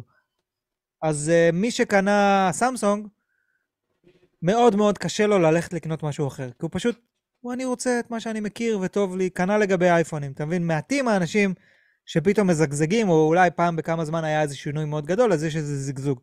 אבל בסופו של דבר לבן אדם מאוד מאוד קשה לבוא ולקנות מותג חדש. אני חושב שמעט אנשים עושים את זה. זה למה אני כל כך אוהב את העולם הזה של הסטארט-אפ וכל העולם הזה של הטכנולוגיה, כי בסופו של דבר מותג זה מותג. מותג גם ביוטיוב זה אותו מותג. ומעניין איך בפועל, נגיד סתם, אני סתם אומר היפותטית, כן? אני יוצר תוכן של גיימינג נניח, אוקיי? מתחיל. איך אני אוכל לבוא ולקחת אולי אנשים מרון and GG, בעוד אני רוצה לעשות תוכן גיימינג. לא לקחת בפועל, אבל הכוונה היא להביא כמה לעצמי, ולשנות את הדברים. כמו שנגיד סתם חברות כמו אפל וגלקסי, שהן די חברות שוואו, תנסה לבוא ולהתחרות בהן, איך לבוא ולקחת מהם את המוצר עצמו, אה, את האנשים עצמם, שבסופו של דבר יבואו וייתנו לך את הרווח. כן. יש דבר כזה בשיווק שנקרא Lifetime Value. זאת אומרת, אתה תמיד צריך להסתכל על הלקוח שלך, כמה הוא שווה לך לכל החיים. כי אתה לא מסתכל עכשיו שנה, שנתיים קדימה. אתה אומר, אני רוצה שזה יהיה לקוח לכל החיים. וכל עוד הוא לקוח שלך, אז יש לך את ה-Lifetime value שלו. זאת אומרת, אם אתה משלם 20 שקל בחודש, כפול 12, כפול עד שהוא ימות, סבבה? זה הרווח שבן אדם יכול לתת לך. ואז אתה צריך להסתכל על זה ולראות מה אתה עושה בשביל לשמר את הבן אדם הזה אצלך, בשביל לראות שהוא לא יעבור למקום אחר. ואני חושב שיש חברות שעושות את זה כל הזמן, דואגות כאילו, אתה יודע, או לחנך את הקהל שלהם כמו שאפל עושים, לדרך מסוימת ולהאמין בה, או לנסות לתת לקהל מה שהם רוצים כל הזמן. ואתה יודע, יש בזה הצלחות וכישלונות שרודפים את השני כל הזמן. סמסונג הייתה חברה מטורפת בארץ פעם, כל סרטון שהייתי מוציא על, על טלפון של גלקסי היה מגיע ל אלף צפיות. היום זה לא ככה, היום אנשים פחות מתעניינים בסמסונג, אני לא יודע למה. אה, אולי זה קשור לשיווק שלהם, אולי זה קשור לאמינות של המותג, אולי זה קשור, אני לא יודע למה זה קשור, אבל זה, זה ככה. אה, יכול להיות שזה ישתנה, יכול להיות שלא, יכול להיות שאנשים מעדיפים לקנות עכשיו טלפונים של שיומי יותר זולים, או שהם פשוט יש יותר אה, סינים בשוק, בשוק שמציעים תחליף אה, יותר זול, ויכול להיות שאנשים עברו לאייפונים, ופתאום האייפון אה, מוביל פתאום את המכירות בארץ. זה מאוד מוזר, קשה מאוד אה, להבין את זה. הבנתי אותך. בסופו של דבר אני חושב שגם אני, מעניין אותי אז לשאול את השאלה הזאת אצלך מהצד שלך, איך אתה אז עם הקהל שלך, מה אתה מנסה לעשות בשביל לשמר אותם, למרות שאתה בעיקרון אותו אפל, אם נגיד את זה ככה, אותו גלקסי, מה אתה מנסה לעשות בשביל לשמר את הקהל שלך? אה, זאת שאלה מאוד uh, מעניינת, כי אני כל פעם uh, צריך לשאול את עצמי בסופו של דבר מה המטרה של הערוץ, כי אני לא באמת פה בשביל לבדר. אני יודע כשאני מבדר, אז זה מביא יותר צפיות. אני יודע שזה מבדר, אז ה-retention time, אנשים נשארים יותר זמן בסרטון. אה, אבל לפעמים הבידור הזה פוגע באיכות של המטרה של הסרטון, כי בסופו של דבר המטרה היא לעזור לאנשים לקבל החלטה נכונה לגבי הקנייה שלהם. זה, זה המטרה. ואז אתה מתחיל להתחרבש עם עצמך, אתה אומר, רגע, זה מביא יותר צפיות, זה מביא פחות צפיות, זה יותר מעניין, זה פחות מעניין. ואז אתה מאבד קצת המטרה בשביל צפיות ולייקים. בדיוק. ואתה יודע, ולפעמים, אני, אתה יודע, אני מנסה לחדש במקומות שאני יכול לחדש. לפעמים, לפעמים אני לא מחדש מספיק ואני עצלן מדי בשביל לבוא ולעשות איזשהו שינוי. אה, אבל אתה יודע, היה את השינוי בסטודיו, עכשיו הסטודיו כבר די כזה, כולם מכירים אותו והוא נראה אותו דבר, אז יש מצב של לשנות את הסטודיו, זה איזשהו שינוי שאפשר לעשות. אה, עכשיו עשיתי איזשהו קטע בסרטון האחרון שכזה הכנסתי שתי דמויות, שזה אני כמובן, אבל כאילו דמות אחרת שמדברת על חסרונות. שאנשים מאוד אהבו את זה, כאילו, שזה עבד uh, מגניב. Uh, אז אתה יודע, אז כל פעם, כל לחדש. פעם במקום הזה. אבל בסופו של דבר, כאילו, אני כל פעם מנסה להזכיר לעצמי שהמטרה שלי פה היא לא לבדר, ולא להביא uh, 100 אלף צפיות בכל סרטון. זה לא, זה לא המטרה. זה הלונג גיים בסופו של דבר. לא, זה, זה לא, לא, כאילו, אתה יודע, אני פשוט לא ליפול לפיתוי הזה של לנסות כל הזמן להביא סרטון יותר טוב ויותר טוב ויותר טוב. כי בסופו של דבר, אני רוצה לעזור לאנשים לקנות. אז יש את האנשים שרואים את זה כי זה כיף והם רוצים ללמוד סבבה, אבל מי שרוצה לקנות, רואה את הסרטון ומחליט אם זה מתאים לו או לא מתאים לו, וזה, וזה מה שחשוב באמת. גם אם יש, אתה יודע, אני אומר רק 20 אלף צפיות, אתה מבין שזה עדיין המון. ולהסתפק במועט, לא, לא ליפול למקום הזה של, של החבר'ה שמתעסקים בבידור, שאם אין להם 100 צפיות ביום הראשון, הם לא ישנים בלילה. אתה מבין? אני לא רוצה להיות במקום הזה. וזה הגיוני לגמרי עם כל הרדיפה הזאת אחרי פרסום, ובסופו של דבר אחרי הצלחה. כמו שאמרנו, זה עניין יחסי וסובייקטיבי לגמרי. עכשיו, שואלים אותך פה, בקטע הזה, יש משהו אולי טכנולוגי שאתה לא מעוניין לסקר אפילו אף פעם, כאילו? יש, יש דבר כזה blacklist אצלך? לא blacklist, אבל יש מוצרים שהם לא מעניינים אותי, נגיד סטרימרים זה הכי משעמם בעולם. כן, אוקיי, אתה לא, אין, אין משהו גאדג'ט מסוים, לא יודע, שאתה מתעסק כלום? Stream Deck, Stream Deck זה, זה טוב? כאילו בסופו של דבר. סטרים דק עשיתי דווקא. כן, אז זהו, אז, אה, אבל בעיקרון אין דברים מעניינים. בעיקרון אין דברים מעניינים. לא, יש דברים שהם, יש דברים שהם לא, שהם כאילו, אתה יודע, שמגיעים אליי, ואני מתעסק איתם כמה שעות, ואז אני אומר, טוב, זה לא מגניב, קחו את זה חזרה. יש טלפונים שאני לוקח שהם לא מספיק טובים.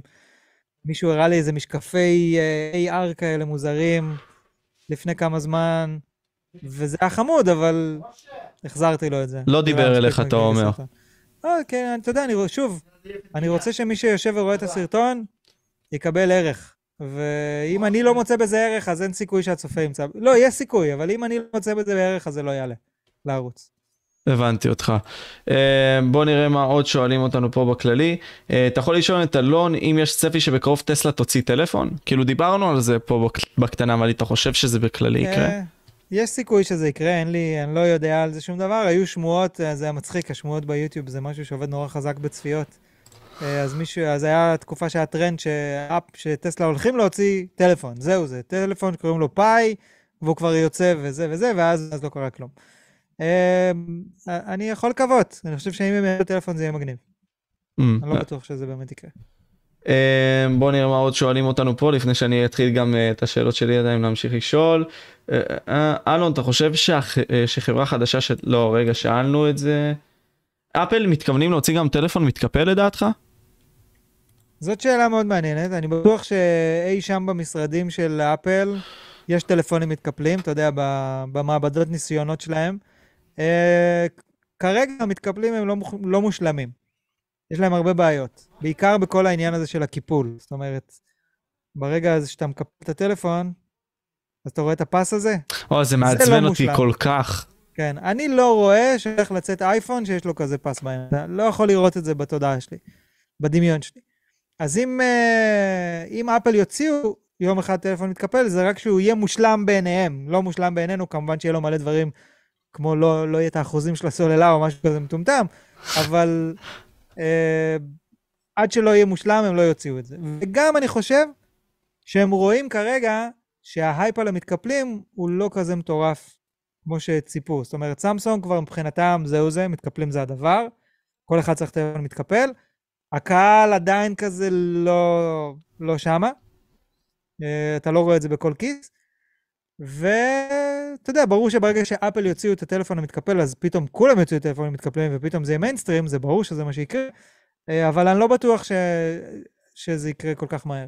כאילו, ככל שהזמן עובר, נראה לי שזה פחות ופחות הגיוני, אבל יכול להיות שזה, שזה יהיה איזה טסט כזה. נקווה, אתה יודע, בסופו של יום, ככל שיותר חדשנות, ככה אנחנו יותר נתפתח קדימה, גם עם העניין הזה של הטלפונים המתקפלים. בכללי גם שואלים למה אין יותר אשטק? מה זה? למה אין יותר?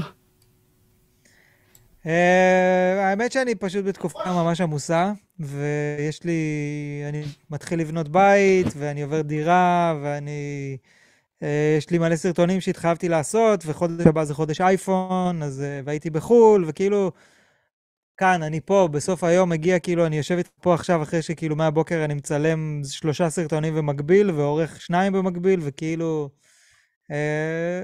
אתה יודע, בסדר עדיפויות כרגע, לצערי, כמו שאמרנו קודם, לא, זה לא באמת מצליח כמו ש... שהייתי רוצה שזה יצליח, אז מן הסתם זה יורד למטה בסדר עדיפויות. אה, חבל לי ש... שזה לא קורה באופן קבוע, אבל אה, לא... אתה שומר על עיקרון פרטו בסופו של דבר, משקיע במה שמניף לך את הכי הרבה הצלחה, ואתה אוהב בסופו של דבר. כן, תשמע, אני גם אוהב לעשות דברים שהם בשביל הפאן, אבל בסופו של דבר די מהר, בעיקר היום, אני שואל את עצמי, אוקיי, כמה אנרגיות אני צריך להשקיע בזה בשביל מה שזה מחזיר בחזרה. ואם זה יותר אנרגיות ממה שזה מחזיר, אז זה לא שווה. אם זה שווה אחד לאחד, אז אולי זה שווה. אם זה נותן יותר, אז בטח שזה שווה. אה, וכרגע פשוט בסדר עדיפויות הוא נמצא לצערי קצת למטה. מישהו פה התעניין בקטע הזה של היוטיוב, אה, הסדנה שאתה עשית בכללי, ניתן לה גם שאוט אאוט בכללי, יש לי חבר פה שהוא נמצא, היה פה לפחות בצ'אט, ים אוליסקר בכללי, Mm, אה. שנהנה מאוד גם מהקורס עצמו, גם אמר לי כזה שוואלה פספוס למי שלא התחבר לשם, אז בוא תזרוק מילה בעצם בסופו של דבר על למה בכלל רצית לעשות את זה ומה המטרה הגדולה. אמ, כמו שאמרת, כולם רוצים להיות יוצרי תוכן היום, ואני לא חושב שיש סיבה למה כולם לא יהיו יוצרי תוכן, ובאיזשהו מקום כולם יוצרי תוכן, כי כאילו, יש לך טלפון היום, אתה יוצר תוכן. ואני מרגיש שאני והאנשים שאני מאוד אוהב ומעריך ב- ביוטיוב בישראל ובכלל, אה, צברנו הרבה מאוד ידע שלא בדיוק מלמדים אותו באוניברסיטה. ואחד הדברים שבגללם בכלל התחלתי לעשות יוטיוב זה העניין הזה של לשתף את הידע. ופנה אליי איזה מישהו ונתן לי הזדמנות לעשות את הדבר הזה בצורה שגם, כמו שאמרתי קודם, הקהל לא ישלם או לא ישלם הרבה. והקורס הזה היה ממש ממש זול, הוא עלה 48 שקלים לעשרה Mhm. מפגשים, שזה לא כסף בתכלס. ותכלס לקחנו את הכסף הזה רק בשביל שתהיה איזושהי התחייבות, זאת אומרת שלא יבואו עכשיו 2,000 איש ויבואו חמישה לזום, כי, כי זה בחינם. אה, והגיע מישהו והציג הזדמנות לעשות את זה עם חסות, ו, וגם הוא רצה שזה יגיע לכמה שיותר אנשים ולא יעלה כסף, אה, ויעלה כמה שפחות, וזה היה חיבור מגניב. וזה התאים בתקופה של אוגוסט וה, אה, והחופשים וזה וזה, אז הלכנו על זה. ויצא ממש מגניב, היו שם אחלה מרצים, היו חלק מרצים טובים, חלק טיפה פחות. הסקתי הרבה מסקנות לגבי זה, כאילו, אתה יודע, גם נגיד ברמת השיווק שיווקנו את זה כאילו זה קורס לכולם. בסופו של דבר הרגשנו שיש פער בין אנשים שהם טיפה יותר מקצוענים וכבר בתחום הזה, אה, וטיפה יותר מבוגרים, לבין חבר'ה שהם ילדים, והם רק רוצים להיכנס, ו... וכאילו... אתם כיוונתם לשניהם כאילו, לשני הקהלים בפועל? אני חשבתי שזה יתאים גם וגם. היום אני מבין ש... שאתה צריך להתאים קורס למתחילים וקורס למתקדמים. ומה בפועל? צריך להתאים קורס לצעירים וקורס לטיפה יותר מבוגרים. הקורס עצמו היה למתחילים לדעתך או יותר למתקדמים? אני חושב ש... שמהנקודת מבט שלי, כל בן אדם שמתעניין ביצירת תוכן, גם אם הוא מקצוען וגם אם לא, אה, יכול ללמוד מהתוכ... יכול... יכל ללמוד מהקורס הזה. פשוט יכול להיות שיהיו אנשים שכבר ידעו כל מיני דברים שכבר דיברנו עליהם. שזה ה... זה אולי הייתה הנקודת אה, הבעייתית Mm. ביחס למה שהייתי רוצה לעשות. אה, אבל אני חושב שסך הכל, ב overall, היה קורס ממש טוב. כאילו, ממש מוצלח. אה, בעובדה שהקמנו אותו ב... תוך שבוע וחצי הרמנו אותו, שבועיים, ושיווקנו אותו, ואז הוא עלה לאוויר. כל זה קרה באמת פחות מחודש, ועדיין נרשמו 350 איש. זה היה, זה היה מטורף מבחינתי, והיה כיף. זה היה קשה, גם אני הייתי שם כל יום וזה, ו... אה, אבל זה היה מגניב. כמו שצריך. אני שנייה רק סוגר את הדלת. מהר, מהר, מהר, מהר. אתה יכול לשאול אותו איך כאלה, היוטיוברים לא. שהשתתפו בקורס קיבלו כסף.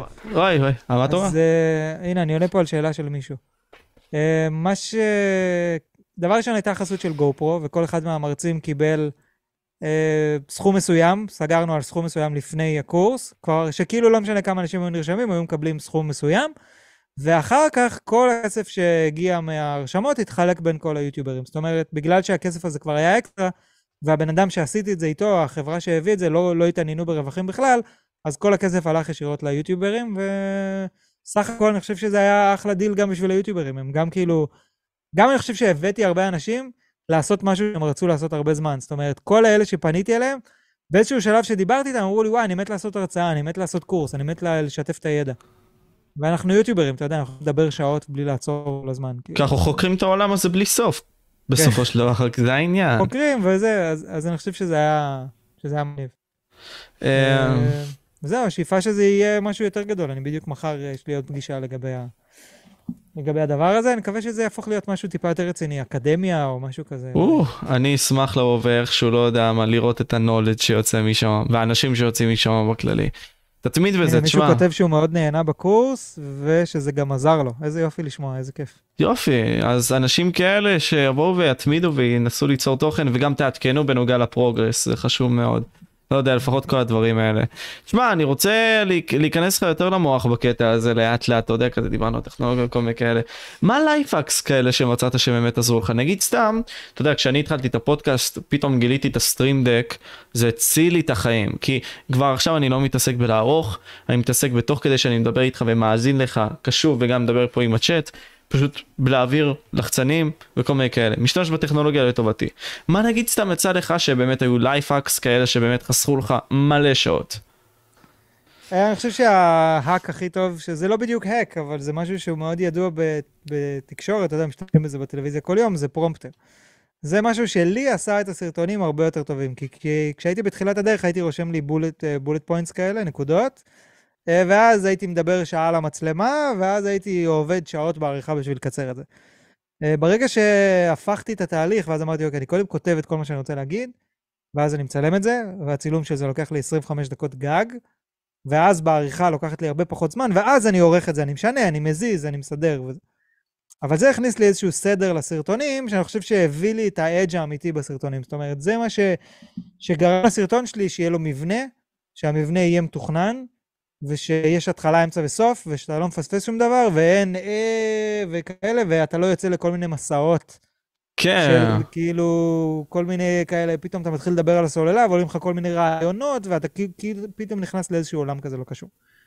זה מאוד עזר לי לסרטונים לעשות אותם מדויקים, אתה יודע, אם אתה... זה ממש... זה ההאק הכי טוב. מעבר לזה, יש, אתה יודע, אני כולי האקים, זה כל מיני, זה, זה כאילו תאורה יותר טובה, עמדה של ה...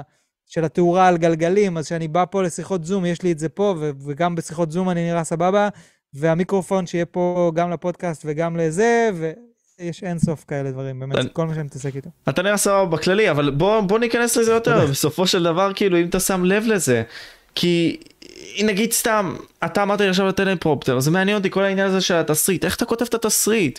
בסופו של דבר, איך אתה מנסה להעביר פה סיפור, אתה מבין? אנחנו מנסים, אתה יודע, כמו ב TED Talks, בסופו של דבר, להעביר מסר כמה שיותר ברור, כמה שיותר חד, למוח של הבן אדם השני. איך אתה מנסה לעשות את זה? אה, אתה יודע, מה הם עושים ב TED Talks? הם פשוט עושים חזרה, הם בונים מצגת, והתסריט הזה הוא בעצם מבנה. אתה מבין, הוא, הוא מילים, הוא אוסף של אלף, אלף אלפיים מילים שיושבות אחת מעל השנייה, אבל בעצם הם מבנה, הם יסודות לסרטון. וברגע שאתה...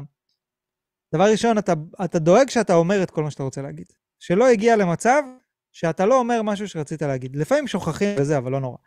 אבל גם זה נותן לך לקבל את ההחלטה לגבי, אוקיי, אמרתי את הדבר הזה, האם זה באמת חשוב לי להגיד אותו, או שאני רוצה, או שאני יכול להוריד אותו? האם אם אני מוריד את הדבר הזה, האם הסיפור עדיין יש לו flow, הוא עדיין מספיק טוב? גם אם יכתבו לי בתגובות שלא דיברתי על זה. וזה נותן לך את ה... זה נותן לך מבנה. ברגע שיש לך מבנה יציב לסרטון, הסרטון נראה טוב. עכשיו, בתוך זה, אתה יודע, אני, אני נגיד כותב תסריט לא כמו שכותבים תסריטים. אני כותב כמו שאני מדבר, בגלל זה זה עובד טוב ב prompter ביוטיוב, כי ביוטיוב אנשים רגילים שמדברים אליהם, הם לא בדיוק מתחברים ל vibe הזה של ה... חדש, של ה... אתה יודע, כמו תסריט, כמו בסרט כזה. כן. הם רוצים שזה ירגיש טבעי. אז הדרך שאני כותב היא, היא כאילו דיבורית. אז אני פשוט חושב, את, אני כותב את מה שאני חושב על הדף, ועובר על זה איזה שלוש פעמים עד שלפי דעתי זה יצא מספיק טוב, ואז אני מצלם את זה. Mm. וזה זה, זה, זה כל ההאק. וכמובן, תוך כדי זה אתה עושה תחקיר, יש לך ממצאים, אתה עכשיו בדקת טלפון, אתה, כל הדברים שאתה כותב זה דברים שבדקת. בדקת את המסך, מה אתה חושב עליו, בדקת את הסוללה, כמה זמן לקח לה להיגמר, בדקת את המעבד, שיחקת משחקים, שמעת את הרמקול, אתה יודע, זה תהליך, זה, זה לא שאת כאילו בא ויושב, אוקיי, זה הטלפון, אני אכתוב עליו מלא דברים ביי. אתה עובר חוויות, ואז אתה מעביר אותם לדף, ואז פשוט זה יוצא מדויק. והחוויות האלה מגיעות כמובן עם הידע העצום שיש לך בעולם יצירת התוכן, שעוזר לך להעביר את התוכן שלך בצורה הכי טובה שיש, ואתה לוקח את זה, כאילו את הניסיון להעברת התוכן הזה מכל התכנים שאתה גם צורך בסופו של דבר, בין אם זה המוזיקה אצל יוצרי תוכן כאלה וכאלה, בין אם זה המעברים של הבי רולס האלה, שזה 70% בערך מהתוכן. כאילו, איך אתה נגיד סתם לוקח את היצירה שלך ועושה אותה ויוצר אותה בפועל? מה התהליך? אה, תשמע, דבר ראשון, אני חושב שהיום יש לנו יתרון שהידע נמצא בכל מקום. אמרנו קודם, אנחנו בתקופת הידע, אתה תיכנס לאינטרנט, אתה תמצא כל דבר. באמת, אתה תמצא כל דבר, גם על טלפון שיצא לפני שעה, כבר יהיה לך באינטרנט המפרט שלו, כבר מישהו יגיד לך משהו על הסוללה שלו, אתה, אתה יכול לבנות מזה תוכן גם אם אין לך את הטלפון. זה לא, זה לא שזה כזה קשה. אבל אני כן פיתחתי לעצמי את הדרכים שלי לבדוק את הטלפון, לחוות אותו בהתחלה, לעבור את התהליך, בשביל שאני אוכל להבין מה הסיפור שלו. זאת אומרת, היום שמשווקים לך טלפון, אז uh, אומרים, אנחנו רוצים לדבר על המצלמה, ואנחנו רוצים לדבר על המסך, ואנחנו רוצים לדבר על הרמקולים, וזהו. כל השאר, אנחנו לא רוצים לדבר על זה, זה לא מעניין אותנו. כי הם אומרים, זה ה-key points של המוצר מבחינתנו. אבל כשאתה קונה את הטלפון, אתה קונה את כל הדברים. אתה לא קונה רק את המצלמה, המסך והבטריה, או הרמקולים, מה שהחליטו לספר לך, אתה קונה הכל. אז המטרה שלי פה זה באמת להבין את הסיפור שהחברה לא מספרת לנו. לא כי היא לא רוצה, כי אלוהים יודע מה, מה הקטע שלה. אה, איך אני עושה את הסרטונים, אתה יודע, זה כאילו, זה תהליך כבר של שנים, היום זה כבר די יוצא לי טבעית, ואני לא ממש, אני לא ממש צריך לחשוב על התהליך, אבל הוא די ברור. אתה, אתה מקבל את המוצר, אתה חווה אותו כמה ימים, אחרי שחווית אותו מספיק זמן, אתה מרגיש שאתה מכיר אותו, אתה כותב תסריט, אחרי שאני כותב תסריט, אני מעלם את עצמי מדבר, ואז ברמה הטכנית אני קודם עורך את הדיבור, לראות שיש לי את כל מה שרציתי להגיד, ואז אחרי זה אני עושה רשימה של שוטים ומתחיל לצלם אותו, ושם אני גם יש לי מקום למשחק, אתה יודע, קצת להכניס פלפל, לשנות, לעשות כל מיני אה, אה, עניינים מעניינים. איך אתה, איך אתה בכללי מכניס את הפלפלים האלה? כי אתה עושה את זה, נגיד שאתה מתרכז על, לא יודע מה, בי רולס קודם כל, לצלם אותם, אחרי זה אתה מתרכז בהקראה של הדברים, כאילו איך, איך, איך אתה עושה את זה מבחינה סיסטמ, סיסטמטית בכללי? אה, נראה לי שזה עניין של פיל, אתה יודע, של תחושה. אתה מרגיש כאילו שיש משהו מתאים לעשות שיתאים להיות מצחיק, או שפתאום עולה לי איזה רעיון, לא יודע, בסרטון האחרון עשיתי איזה קטע עם, הקליפ, עם הקליפים האלה של, ה, של ה Flip. כי רציתי משהו קצת יותר קליל וקצת יותר מצחיק, שלא יהיה, שלא יהיה big deal, וגם הקליק הזה יסתדר לי טוב עם קצב, אתה מבין? אז אמרתי, אוקיי, זה יכול לעבוד טוב. ההשראה באה לזה כמובן ממוזיקה, מקליפים, מכל מיני מקומות אחרים בכלל, לא קשור לטלפונים, כאילו, זה לא... ההשראה יכולה לבוא היום בסופו של דבר מכל דבר. אני יכול לראות סרט ופתאום לקבל השראה לאיך אה, לעשות, אה, לעשות, להכניס את זה לסרטון. אה, זה, זה העולם הזה של היצירתיות, אין לו באמת חוקים, ואתה לא יודע מתי פתאום נפתח לך חלון היצירתיות, ופתאום קופץ ממנו משהו מטורף, שאתה אומר, בואנה, זה מושלם, באמת. וזה מה שאני צריך לעשות.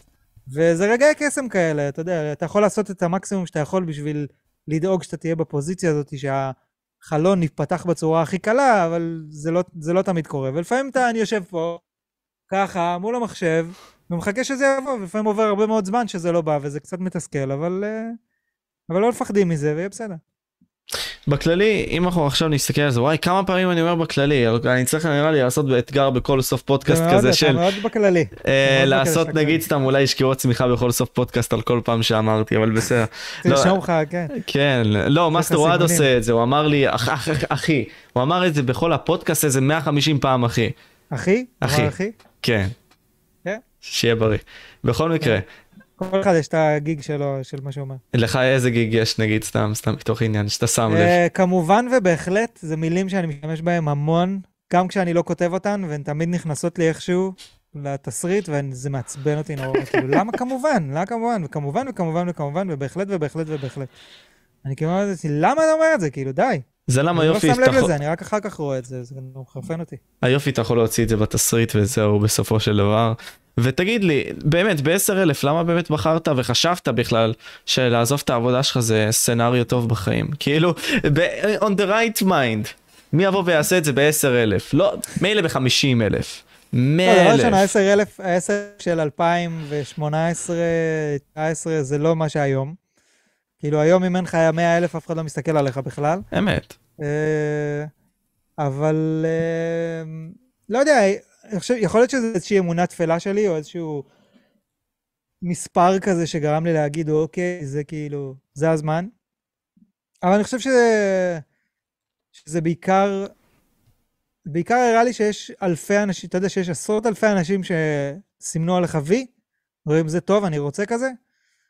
זה, זה, לא יודע, זה, זה הספיק לי. זה אמר לי, אוקיי, זה שווה, יש פה משהו, יש כאן משהו שאפשר להתעסק איתו.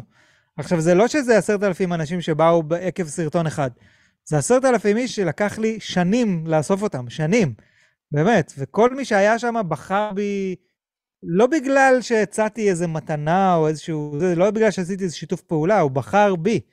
ואמרתי, אוקיי, אם עשרת אלפים בחרו בי, אז יכול להיות שגם מאה אלף יבחרו בי. וזהו, אבל ברגע שהגעתי למאה אלף, נגיד, הגעתי למסקנה שזה לא משנה כבר. אני כבר לא, לא אובססיבי למספרים, לא חוגג אה, עיגולים של סאבים. מדי פעם זה כן מלהיב ומשהו כזה, אבל זה באמת לא... לא חושב שזה עניין, זה לא משנה. מה? אני לא חושב שהיום, אם היה לי, אם אני פתאום אעשה שיתוף פעולה עם עידן תלם ויהיה לי פתאום 200 אלף סאבים, אני לא חושב שיהיה לי יותר צפיות ממה שיש לי היום. זה לא משנה, זה סתם מספר כותרת כזה מתחת לשם שלך ביוטיוב, שנותן לך הרגשה טובה. העיקר פשוט להמשיך עם מה שאתה עושה מבחינת המוצר שלך ומה שאתה מביא, ואולי בקטנה לנסות מכל פעם כזה טוויק קצת, כאילו כל פעם לשפר טיפה יותר, אבל לא בהרבה, לא לנסות לכוון לעניין לא, הזה. אני לא, חושב ש... אני לא חושב שכאילו העניין של להביא הרבה רשומים, הוא לא מעיד על איכות. האיכות שלך יכולה להיות מטורפת, גם אם אתה לא אומר לאנשים להירשם, או מחלק להם כסף אם אתה מעגל את הערוצים שלך, אתה מבין? זה לא, אני כאילו צוחק על בן, אבל זה גם... אבל, אה, זה משהו שאני מרגיש שלא בא לי להתעסק בו. לא בא לי, לא בא לי, לא בא לי לכל היום לדבר על זה שאני רוצה שיהיה לי 200 אלף סרטים. לא רוצה לדבר על זה, זה נראה לי לא חשוב, לא רלוונטי. חוץ מזה, הבן אדם היחידי שהרוויח מזה זה אני. אתה מבין? אני היחידי שיכול לבוא ולהגיד, וואלה, יש לי 200 אלף סאבים, אין דברים כאלה. יופי, מה, מדליה אין? סבבה, קיבלתי פליי uh, בטן מגוגל, קיבלתי את המדליות שלי, כל הכבוד לי. מה שחשוב עכשיו זה להביא צפיות, לעשות תוכן טוב, זה מה חשוב. אז מה המטרות שלך? חייבים להשתפר כל הזמן. כאילו, אתה אומר לי עכשיו חייבים להשתפר כל הזמן, וזה מאוד נכון, אני מאוד מסכים איתך. בתוכן. בתוכן. אתה, כאילו, שוב, אני כן אומר, וגם לך, בתור מישהו שיש לו 4,000 סאבים, אתה צריך להגיע ל-10,000, ואחרי 10,000 אתה צריך להגיע ל-50,000, זה צריך להיות היעד שלך. אמת. אין, אה, אין ספק, כי בלי להגיע ליעדים האלה, יהיה לך מאוד קשה להפוך את זה לעבודה. אבל אחרי שהגעת אליהם, אתה יכול להתמקד בדברים שהם יותר חשובים. ומה מבחינתך זה... חשוב עכשיו? כלומר, אנחנו לוקחים את אלון גריני עכשיו, עם כמה יש לנו? 127 אלף, משהו בסגנון הזה, סתם דוגמה. מה אתה מכוון לעשות פה? כלומר, באבן דרך הזאת, במטרה הזאת שאתה יצרת לעצמך. דרך אגב, מה היא? ומה אתה מתכנן לעשות בשביל להגיע אליה? אה, אז השאיפה שלי בגדול זה דבר ראשון, לנסות להחזיר את הצפיות שיהיו, אתה יודע, לקוות דבר ראשון שיוטיוב לא יקרוס. אתה חושב שהוא יקרוס? ויעלם מהעולם. לא יודע, כרגע הוא בירידה מאוד חזקה. אני מקווה באיזשהו מקום שלאנשים קצת יימאס מהטיקטוק, והם כן יחזרו לתוכן שיש אליו חיבור יותר עמוק, ולא רק הריגוש הרגעי הזה. אני מקווה ש... שזה יחזור, כי זה כן, כן יכול להיות טרנד תקופתי, העניין הזה של טיקטוק. אה, מצד שני, אתה יכול לראות גם כמה יוטיוב משקיעים ב... אה, איך זה נקרא? ב Shorts, שזה ממש מבאס, אתה אומר לעצמך, כאילו, בואנה, כמה אנרגיות הם משקיעים ב Shorts, שזה כאילו לוקח פוקוס מהתוכן ששנים בניתי פה ועשיתי לפי מה שאתם אומרים שצריך לעשות. אה, אז השאיפה זה כמובן לעשות תוכן יותר טוב. והשאיפה האמיתית, הכי אמיתית זה להפוך להיות גוף מדיה. שזה ההבדל בין להיות ערוץ יוטיוב, אלא להיות גוף מדיה, שגוף מדיה מייצר הרבה יותר תוכן והרבה יותר תוכן איכותי, אה, שיש בו מערכת שמייצרת סרטונים, שאני לא צריך, שלא הכל צריך להיות על הכתפיים שלי, כי יוטיוב זה דבר מאוד מאוד שוחק, והשחיקה הזאת היא מאוד מסוכנת לערוץ. כי אם אתה מגיע למצב שאתה שחוק, ואתה מפסיק לעשות תוכן, או שאתה מפסיק לעשות תוכן טוב, זה המקום שבו הערוץ שלך יכול לקרוס אחרי כל העבודה הקשה שעשית, רק בגלל שעבדת נורא נורא קשה ולא שמרת על עצמך. אז זהו, זהו, זה בעיה שאני תופס אצלך ואצל ערוצים כמו שאמרתי לך לפני כן, על פיני בראל. אתה יודע, כל פעם להיות העיתונאי הזה שמסקר את זה פול און רלוונטי. נראה לי, אתם יכולים ללמוד מהעיתונאים האלה בסופו של דבר, כי הם כל הזמן on the grind רלוונטיים וכל מיני כאלה. אמ, איפה אתה תופס את זה? כלומר, אני מרגיש... אבל העיתונאים האלה, כן. הם אומנם עיתונאים, אבל הם עובדים במערכת. יש להם גב. הם לא לבד. יש להם אה, מפיקים, ויש להם מוציאים לאור, ויש להם עורכים, ויש להם תחקירנים, הם לא לבד. ואני לא אומר שהם לא עובדים קשה, הם עובדים מאוד קשה בשביל לעשות את מה שהם עושים, בכלל לא מזלזל בשום צורה בעבודה שלהם, אבל הם לא לבד, ברגע שאתה לא לבד, זה כבר יותר קל. אה, ואצלנו, בעולם של היוטיוב, אתה צריך לעשות הכל. אתה צריך לכתוב, אתה צריך לצלם, אתה צריך לערוך, אתה צריך לחשוב על רעיונות, אתה צריך אחר כך לעשות שיווק. ואז אתה צריך לדעת לנהל את הערוץ שלך ואת הערוצים האחרים, את שאר הקהילות. יש לך קבוצת פייסבוק, יש לך דיסקורד, ויש לך טלגרם, וכל הדברים האלה צריכים תשומת לב, וזה מאוד מאוד קשה לחלק את התשומת לב בין כל הדברים האלה. אמ, וזהו, אז השאיפה זה, אתה יודע, לא להישחק, או להצליח לבנות מערכת לפני שחוק מדי ולא, ואין לי כוח יותר. זהו, אני חושב שזה בעיה של יוצרי תוכן שהם לא עושים את ההטלת סמכויות הזאת ובונים את הקהילה הזאת, שבסופו של יום תנהל להם את הדברים שלהם. אני חושב שאנחנו משקיעים יותר מדי זמן, לא על פומו, זה לא באמת על פומו, זה על דברים חשובים. אבל בפועל, אני אישית, גם המחשבות האישיות שלי שאני עובד עליהן עכשיו, בסופו של דבר אנחנו צריכים לארגן, לא יודע, אפילו מתנדבים, כמו ארגונים כאלה. שיבואו ויעשו בשבילנו את העבודה, ואנחנו נבוא ונעזור להם בדרכים מסוימות, כמו לא יודע מה, בין אם זה בלחשוף אותם למידע שלנו, בין אם זה לתת ממה שלנו יש, כדי שבסופו של דבר הם ישרתו את מה שאנחנו רוצים. אתה מבין מה אני אומר? נראה לי אנחנו צריכים להגיע לשלב כזה כבר. אה, אתה יודע, מה זה אנחנו? זה כל אחד נמצא כל פעם בשלב אחר, במקום אחר ודברים כאלה. זה בעיקר עניין של תקציב. Uh, כמו שאמרתי קודם, אם היו יותר אנשים בתחום הטכנולוגיה, אז גם היה יותר תקציבים, ויכול להיות שגם היו יותר אנשים שרוצים לעבוד בזה, אתה מבין? ויותר אנשים שמתאימים. נגיד היום, אם אני הייתי מחפש בן אדם, אני הייתי רוצה בן אדם שיודע לצלם, לערוך, לכתוב, ואתה ול... מבין איזה דרישות מטורפות האלה? בדרך כלל אתה מקבל בן אדם שהוא עורך, או שהוא צלם, או שהוא כותב. אני רוצה את שלושתם בתוך בן אדם אחד. אני רוצה עוד אחד כמוני, אתה מבין? וזה קשוח. ואם זה איש שיווק, אני רוצה איש שיווק שיודע לעשות יוטיוב, שמכיר את העולם הזה, שידע לאיזה חברות לפנות. זה מלא דברים שהם... קשה למצוא אותם, אתה מבין? אבל אם התחום הזה יותר רחב, אז היה יותר אנשים כאלה. כאילו, היום זה כבר יותר הגיוני לאנשים לפתח skill של עובדים של יוטיובר, כי יש ביקוש לזה. אתה מבין? בארצות הברית, אתה רואה את אה, מרקס בראונלי, יש לו 11 אנשים בצוות. 11 אנשים, אתה רואה את Linus Tech Tips, יש לו 50 אנשים בצוות. כן. אז אתה מבין, אז כמובן שבתוך אה, צוות של 50 איש יש לך רואה חשבון, יש לך מעצב, ויש לך כל מיני אנשים שהם בכלל לא קשורים בכלל ליוטיוב, אבל, אבל הכל נבנה סביב המותג הזה בגלל שיש שם כסף. בס... ואם כן. יגיע הכסף גם לארץ, אז אתה יודע, זה לא שאני רוצה מלא כסף בשביל לבנות וילה עם בריכה, אני רוצה מלא כסף בשביל לבנות ערוץ יוטיוב הכי מטורף שיש בארץ. Uh, האם זה יקרה? זאת, uh, זה תלוי גם בי וגם, ב, אתה יודע, וגם בכלכלה הישראלית. וגם באנשים סביבך שמנסים לבוא ולהרים את יוטיוב הכללי. כן, אתה יודע, יש דיבור כזה, נאס דיילי אמר את זה, שהוא כאילו, אתה צריך חמישה אנשים שאתה תומך עליהם בשביל לבנות משהו מצליח. אני כרגע, יש לי אפס. אמיתי? Uh, זה מה שהוא אמר, הוא אמר, אתה צריך חמישה אנשים תותחים. לא, אבל איפה אתה תופס את זה? מה זאת אומרת? מה מבחינתך זה בן אדם שאתה סומך עליו? אם אתה עכשיו בא והוא איתך בצוות. תשמע, הערוץ הזה שאני עובד בו, קוראים לו אלון גרעיני. אתה מבין? שזה מצד אחד זה יתרון, כי לאנשים יותר קל להתחבר לאלון גרעיני מאשר ל-ynet או לוואלה או לגיק טיים. למה? כי מבחינתם, הם יכולים, ynet יכול להיות האהבה והשנאה שלהם. אתה מבין, הם אוהבים את ynet כי הם נותנים להם בידור, אבל הם שונאים את ynet כי הם כאלה וכאלה, לא משנה. אבל ynet זה, זה ישות, זה לא בן אדם. איתי, מה שהקהל שלי חווה זה חיבור, הם מרגישים שהם חברים שלי, הם רואים את הסרטונים שלי, אני מדבר, מסתכל להם בעיניים, פעמיים בשבוע, ויכול להיות שיש אנשים שרואים בינג'ים של זה. יש פה חיבור אמיתי, אז זה מאוד טוב מצד אחד. מצד שני, כל בן אדם שאני מכניס לעבוד פה בתוך העסק הזה, הוא פרשנות של אלון גרעיני. המשמעות שלו, המשמעות של מה שהוא עושה, משפיעה על השם שלי, וזה מאוד מפחיד, זה, זה נטו פחד. עזוב את הכלכלי, שאנשים זה הדבר הכי יקר בכל עסק. אה, זה מפחיד להביא בן אדם, שלבוא ולהגיד, אני חותם על הבן אדם הזה, שהוא אלון גרעיני גם כן. אתה מבין שזה חלק מהבעיה הזאת של, של, של הערוץ הזה ש, שהוא נושא את שמי. אה, ואני חושב שאם אני אשנה את השם של הערוץ, יש מצב שהוא יקרוס. אמת. אה, כי זה המותג בסופו של דבר. כן, אני, זה המותג, אתה נושא אותו על כתפיך, וזה בעיה, זה מלחיץ. אני, גם, אני נגיד הייתי רוצה גם שאנשים אחרים יעלו סרטונים אצלי בערוץ. וואלה. תבין, הייתי רוצה. כן, הייתי ממש רוצה, כמו שליינוס עושה. זה חלום שלי להגיע למקום הזה. אני לא בטוח שאני אצליח. הייתי רוצה שאישה תיכנס ותעשה סרטונים על טכנולוגיה. הייתי נותן לה את הפלטפורמה, את הבמה, אצלי בערוץ.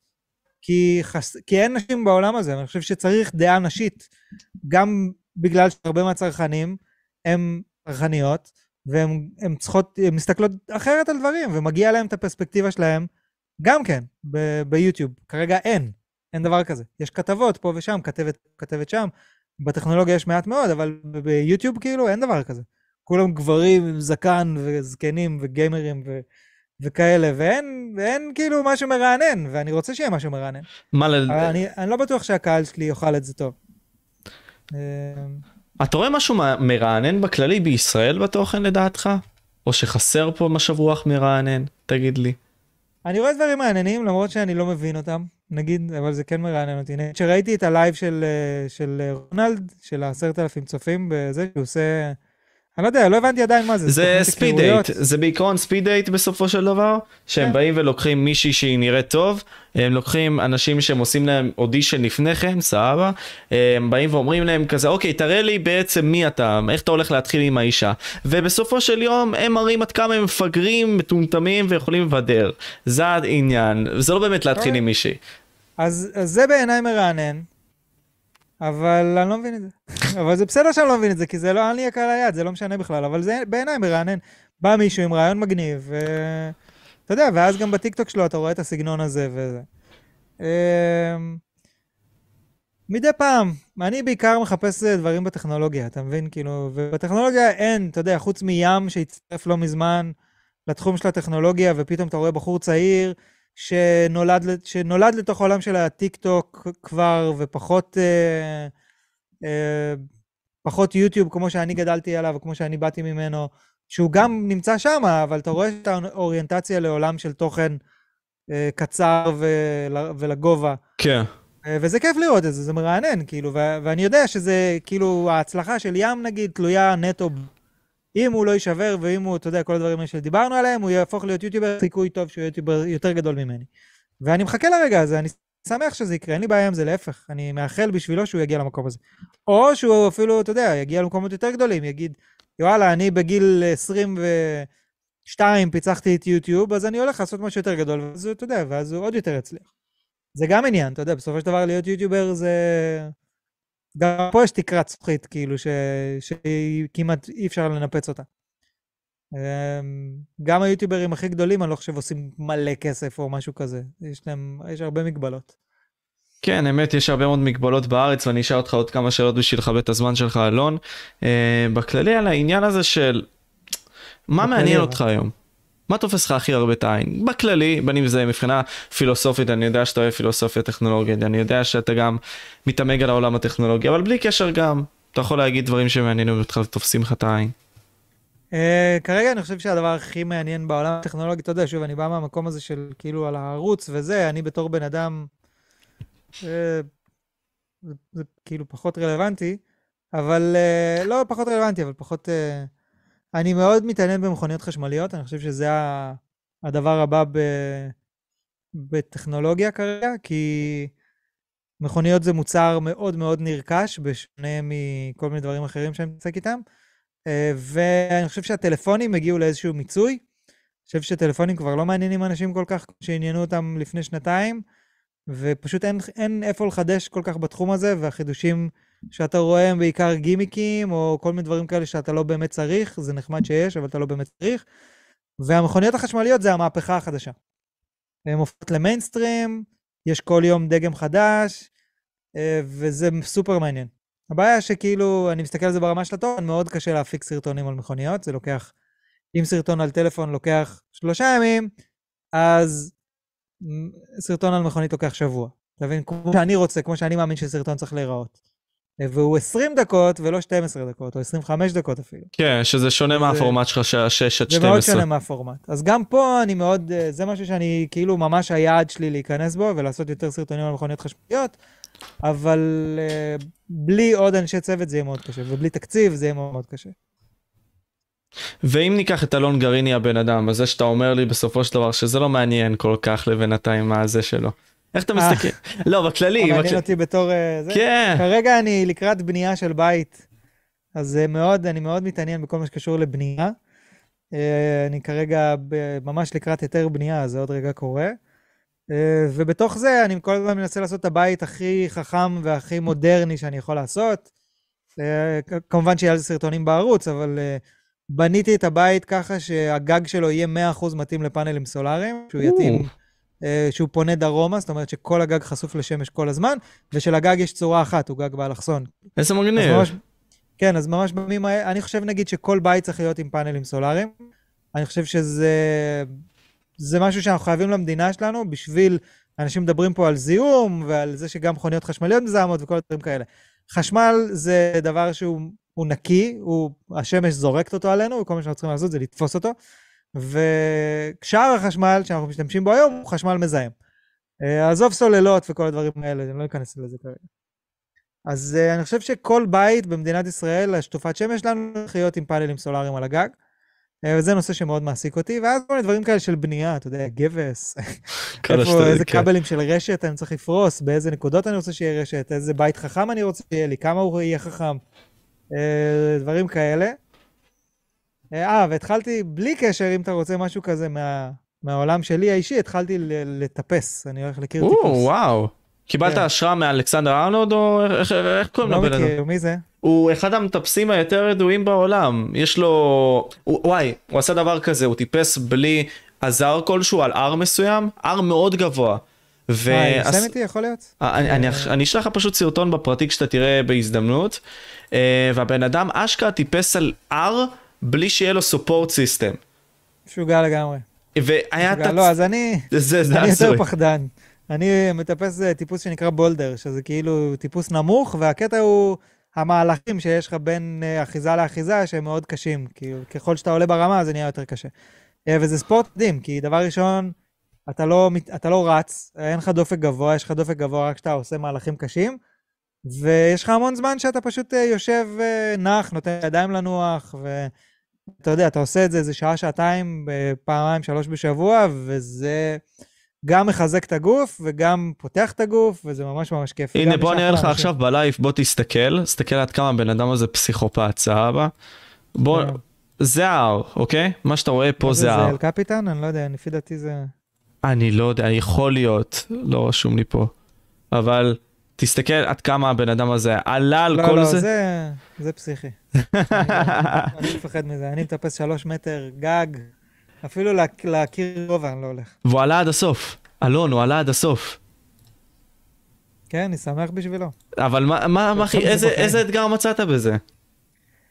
תשמע, אני כל היום יושב מול המחשב, והספורט הכי חזק שיש לי זה ללכת הביתה ברגל, שזה שתי דקות הליכה מפה, או לעמוד עם המצלמה ביד.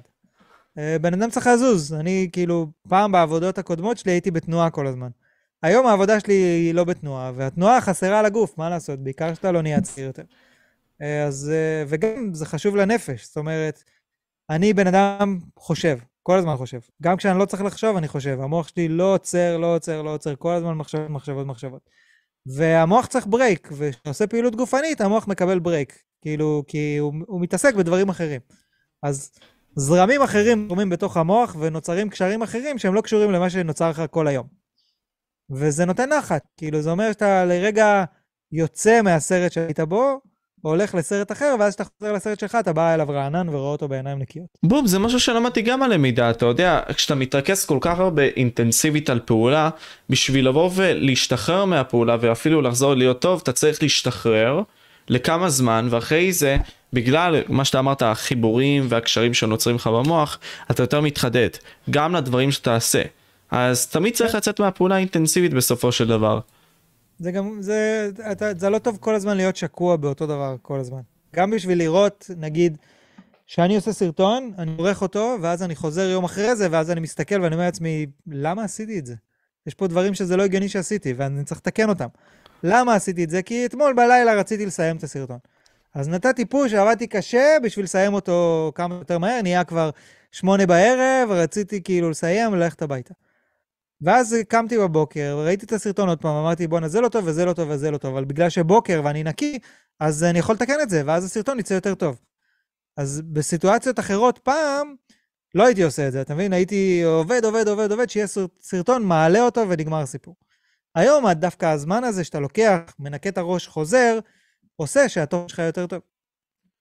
ובכללי, וואי, די עם הבכללי הזה, אוף. עכשיו, נסיים עם זה. ב... לסיום, תגיד, במקום. לסיום, מסר אחרון כזה שאנחנו ניתן מאלון בקטע הזה. תשמע, קודם כל היה לי באמת התענוג לשוחח איתך, כי אני אישית מרגיש שאתה...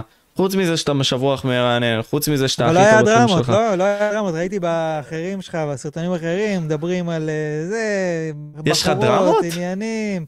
אין לי, אני אומר, אז זה זהו.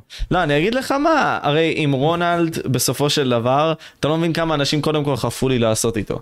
אני רק במקרה העסקתי אותו בסופו של דבר, וכשזה יצא זה פשוט, אתה יודע, הבן אדם מלא ב controversy, כי הוא עושה דברים שונים. אה, הבן אדם בסופו של דבר, אתה יודע, עם כל המסרים האלה שהוא מעביר לצעירים, ואני מאוד אוהב אותו, הוא מבדר מבחינתי, הוא מצחיק והכל, האנשים באו והסתכלו עליו ואמרו, וואלה, הוא הבן אדם הכי גרוע ביוטיוב. אתה מאמין? גרוע? באמת? כן, על זה שהוא, לא בסופו. של דבר הוא גורם, ככה הם אומרים את זה, זה העמדה שלהם, הוא גורם לילדים בני 10 לבוא ולעשות תנועות שהן אירוטיות וכל מיני כאלה. ולדבר בשיח כזה מטו- מטופש. לא יודע אם אה, לבוא ולקחת את זה כעובדה, אבל... אה, דווקא אני. מאוד רגיש לתוכן, נג- נגיד אני פחות מתחבר לזה שהוא ודה כהן הלכו, אני לא יודע אם הוא היה איתו, אבל שהם כאילו מביאים אנשים למגרש מכוניות, ואז שוברים להם את האוטו ויוצרים כזה מהומה. זה נגיד אני פחות הוא מתחבר. היה איתו, כן. אבל, אבל שאר הדברים, אני חושב שזה דווקא די מצחיק, כאילו, אתה יודע, אני רואה את זה, זה מבדר. ברור לי שאתה יודע, זה בנזיני, זה לא בנזיני, זה, זה, זה, אתה יודע, אין, לא מרגיש שיש בזה איזה משהו. זה מין נונסנס כזה, אתה יודע, זה הומור כזה שהוא מצחיק. לא מרגיש, דווקא מעניין, זה לא חשבתי שזה הקטע שם, שהוא ממש שערורייתי. לא, יש, יש, יש עוד כמה, למה, מה חשבת שהכי הרבה שערורייתי שם בסיפור? לא ידעתי, ר- ראיתי גם אתכם מדברים, נכנסתי באמצע, אז פספסתי איזה קטע שהוא אמר שהוא לא ידע שמה שהוא עושה זה לא בסדר, זה, ולא ידעתי על מה הוא מדבר אפילו. לא, יש פה, בסופו של דבר הנער הוא בן 18, אז uh, כשאתה בא והופך להיות משפיען כזה, בגיל כזה צעיר, על קהל כזה גדול, אתה לא מבין את ההשפעה שלך, וזה בין הדאגות הכי גדולות שלך בסופו של דבר, אתה אמרת לי את זה הרי. כן, כן, אני חושב שאני פשוט, שוב, כמו שאמרתי, באתי קריירה שלישית כבר, אז אני די, אה, די כבר יודע מה אני רוצה ומה אני עושה ומה הדברים שלי, אבל זה גם, אתה יודע, זה גם, זה... יש לי איזה חבר שהייתה לו בת שבגיל 12 כבר היה לה 50 אלף עוקבים באינסטגרם. אוקיי. אתה מבין? משהו מטורף, מטורף לגמרי, כאילו, ו... אה, באיזשהו שלב היא החליטה שהיא פשוט סוגרת את העמוד אינסטגרם שלה. זה, היה, זה לא היה עמוד אינסטגרם שראו אותה, היא עשתה איזשהו נושא, לא משנה איזה. מאוד מצליח, ממש, מצליח בטירוף. בין הכי גדולים שהיו בארץ, זה גם אני מדבר איתך כאילו ארבע שנים אחורה. וואו. מטורף, ילדה בת 12. יום אחד היא התעוררה בבוקר והחליטה שהיא לא רוצה את זה יותר, סגרה את העמוד. פשוט סגרה אותו. וזהו, והתקדמה לעשות דברים אחרים. אז מה זה אומר, כאילו, שאני הגעתי למקום הזה של הלייקים וסאבים וכל הדברים האלה בגיל מאוד מאוד מאוחר, אתה מבין? אז, אז המקום שאני יכול להגיע אליו הוא מוגבל בזמן, אני כבר, אתה יודע, אני כבר uh, מתרחק מהדור הצעיר כל הזמן, שהוא שולט באינטרנט, ואתה יודע, אני כאילו יותר מוגבל, התחלתי מאוחר מדי באיזשהו מקום. התחלתי בזמן, אבל מאוחר, מאוחר מדי. אז באיזשהו מקום, בן אדם שמצליח בגיל כל כך צעיר, הסטנדרט שלו הרבה יותר גבוה. אתה מבין? הוא, היא בגיל 12 כבר הגיעה ל-50 אלף עוקבים באינסטגרם. זה יעד משמעותי, זה הישג מאוד גדול שהיא הצליחה להגיע אליו בגיל צעיר. זה אומר שעכשיו היעדים שלה לחיים מבוססים על פי הדבר הזה. נכון. זה מקרה חיצוני, קיצוני, אני לא חושב שכל ילדה בת 12 צריכה או יכולה להגיע ל-50 אלף אה, עוקבים, אבל זה, זה נותן לך איזשהו קונספט לגבי להתחיל לעשות את הדברים החשובים בגיל מוקדם. זאת אומרת, לא להגיע למצב שאתה שואל את עצמך שאלות מה לעשות, ומתלבט, ופה, ומפחד, וכל מיני... תעשה, תעשה, תעשה, כמה שתצליח יותר מוקדם, היעדים שלך ישתפרו ויגדלו, והסיכוי שלך בגיל 30 להגיע למשהו יותר מבוסס הם יותר גדולים. אבל החיסרון בזה זה שאתה ילד, קשה לך מאוד להבין את המשמעות האמיתית של מה שאתה עושה. אתה מבין? כי רק אחר כך יכול להיות שבגיל 25-30, אוהד יסתכל אחורה ויגיד, כאילו, אה, זה, מה ש... זה כאילו מה שקרה שם, היום אני רואה את זה בעיניים אחרות, עברתי יותר דברים אחרים. יש לי ניסיון, יש לי פה, יש לי שמה, אני רואה את זה בעיניים כאלה, ואתה יודע, יכול להיות שהוא גם רק יגדל מזה ויתפתח ויגיע מטורפים. והלוואי. לגמרי הלוואי, בחור מוכשר, אתה לא יכול לקחת לו את זה. יש לו אחלה קול, רדיופוני. כן, לגמרי. אז אמ, זה העניין בסופו של דבר פשוט, וזה נראה לי מה שניסית פה להגיד, זה כן ללמוד את הדברים כמה שיותר מוקדם ולנסות כמה שיותר לחדד את עצמך וללמוד דברים ולהכניס לעצמך דברים למוח כדי שיהיה לך יתרון כדי שבסופו של דבר זה כמו ריבית מצטבר- מצטברת. הרי וורן באפט התחיל להשקיע נראה לי בגיל 12 משהו בסגנון הזה אם אני לא טועה. אז תראה איפה הוא היום. אז ככל שאתה מתחיל יותר מוקדם ככה יש added value כן. ו-added advantage. מה, יש לזה יתרונות וחסרונות, אבל uh, אני חושב שבכל מקרה שווה להתחיל מוקדם, אתה תצליח מוקדם, אז אחר כך ערוץ יוטיוב גדול לא ירגש אותך, וירגש אותך להיות בעלים של חברת הייטק, או ליזום איזשהו פרויקט יותר גדול, או איזה משהו חברתי עם השפעה יותר גדולה. וזה מגניב, וזה, אתה יודע, ש... וזה היתרון, אני חושב, של הדור שלכם, ושל הדור החדש, שהוא נכנס לתוך העולם הזה שהוא מלא באפשרויות, שכשאני הייתי בגילכם לא היה את האופציה הזאת, זה לא היה קיים. אתה מבין? אני כאילו, רק אחרי ש... וואו, השתחרר, חמש שנים אחרי שהשתחררתי מהצבא, רק uh, התחיל יוטיוב בכלל, אתה מבין? רק אז uh, וואו. קמה יוטיוב. אז אה, זה אי אפשר בכלל לתפוס את זה שאתה נולד לעולם שבו אתה יכול להיות אה, כזה, כזו דמות. זה מטורף. ה mindset מתחיל להיות שונה בכללי ואתה מסתכל על זה גם אחרת מהראייה שלך. בכללי, אבל. בכללי, ואנחנו היינו פה. תשמע, אני מאוד מעריך אותך אלון, בין אם זה על התכנים שאתה מייצר בערוץ שלך אלון גרעיני, בין אם זה על האשטג שעוד פעם, אה, פודקאסט מאוד טוב בנוגע לעולם הטכנולוגי, אה, ששמעתי אותו לא פעם ולא פעמיים, כפי שאתה מבין. אה, בלי קשר, תעקבו אחרי הערוץ של אלון, בין אם זה האיכות שהוא מביא, בין אם זה גם הסיפור שלו שהוא מאוד מעניין אם תלכו לבלוגים הראשונים שלו שהוא השאיר בערוץ עדיין, יש כאלה שהוא הוריד, אתם תבואו ותראו את הסיפור הזה שיש סביבו. אה, וזהו, אין לי עוד משהו להוסיף, אני מאוד מעריך אותך. יש לך משהו אחרון שאתה רוצה להגיד לקהל צופים שנשאר לא, עד תודה הסוף? רבה, משה, זה היה ממש אחלה. יאללה, זך, יאללה, תשמור על עצמך, תמשיך להתמיד, תמשיך לטרוף את העולם. גם אתה, תן בראש. זהו, זה בעיקרון יאללה, צופים. ל-4,000 סאבים ו-200 פרקים, אה? אמת, אה, לא, פחות אפילו, 100, לא, אני אגיד לך מה, יש עוד 40 פרקים שלא העליתי שתזמנתי בכללי. 40. 40. עם הפרופסורים הכי גדולים וכל מיני כאלה. יש הרבה מאוד אנשים שפשוט לא, לא מבינים מה אני עדיין הבאתי. זה פשוט בגלל צה"ל, לטירונות. לא רציתי, אתה יודע, להסתבך עם זה יותר מדי. מתי אתה משתחרר? אה, זהו, התחלתי רק עכשיו. אה, אבל, וואו, אבל הייתי. ב mindset כזה של אין לי זמן, אין לי זמן, צריך ליצור, צריך ליצור. כן, מעולה, לעשות את זה תוך כדי הצבא זה פגז. אז זהו, אני לא רוצה שה... אתה יודע, הלהבה תבוא ותרד לנו. צריך להשאיר את זה אה, יש עוד בחיים. הרבה זמן ללהבה, אל תדאג. אה, הוא יוצרים אותה גם עכשיו. אני התחלתי יוטיוב בגיל 33, אז אתה יודע. אפשרי ומצאתי תמיד. להבה, אז יהיה בסדר, כן. אפשרי תמיד. יאללה, אלון, יאללה, תודה רבה לך. ואני הייתי שיהיה פה אחלה משה. וויטוק פודקאסט, והיינו פה. אלון גרעיני, ביי. ביי.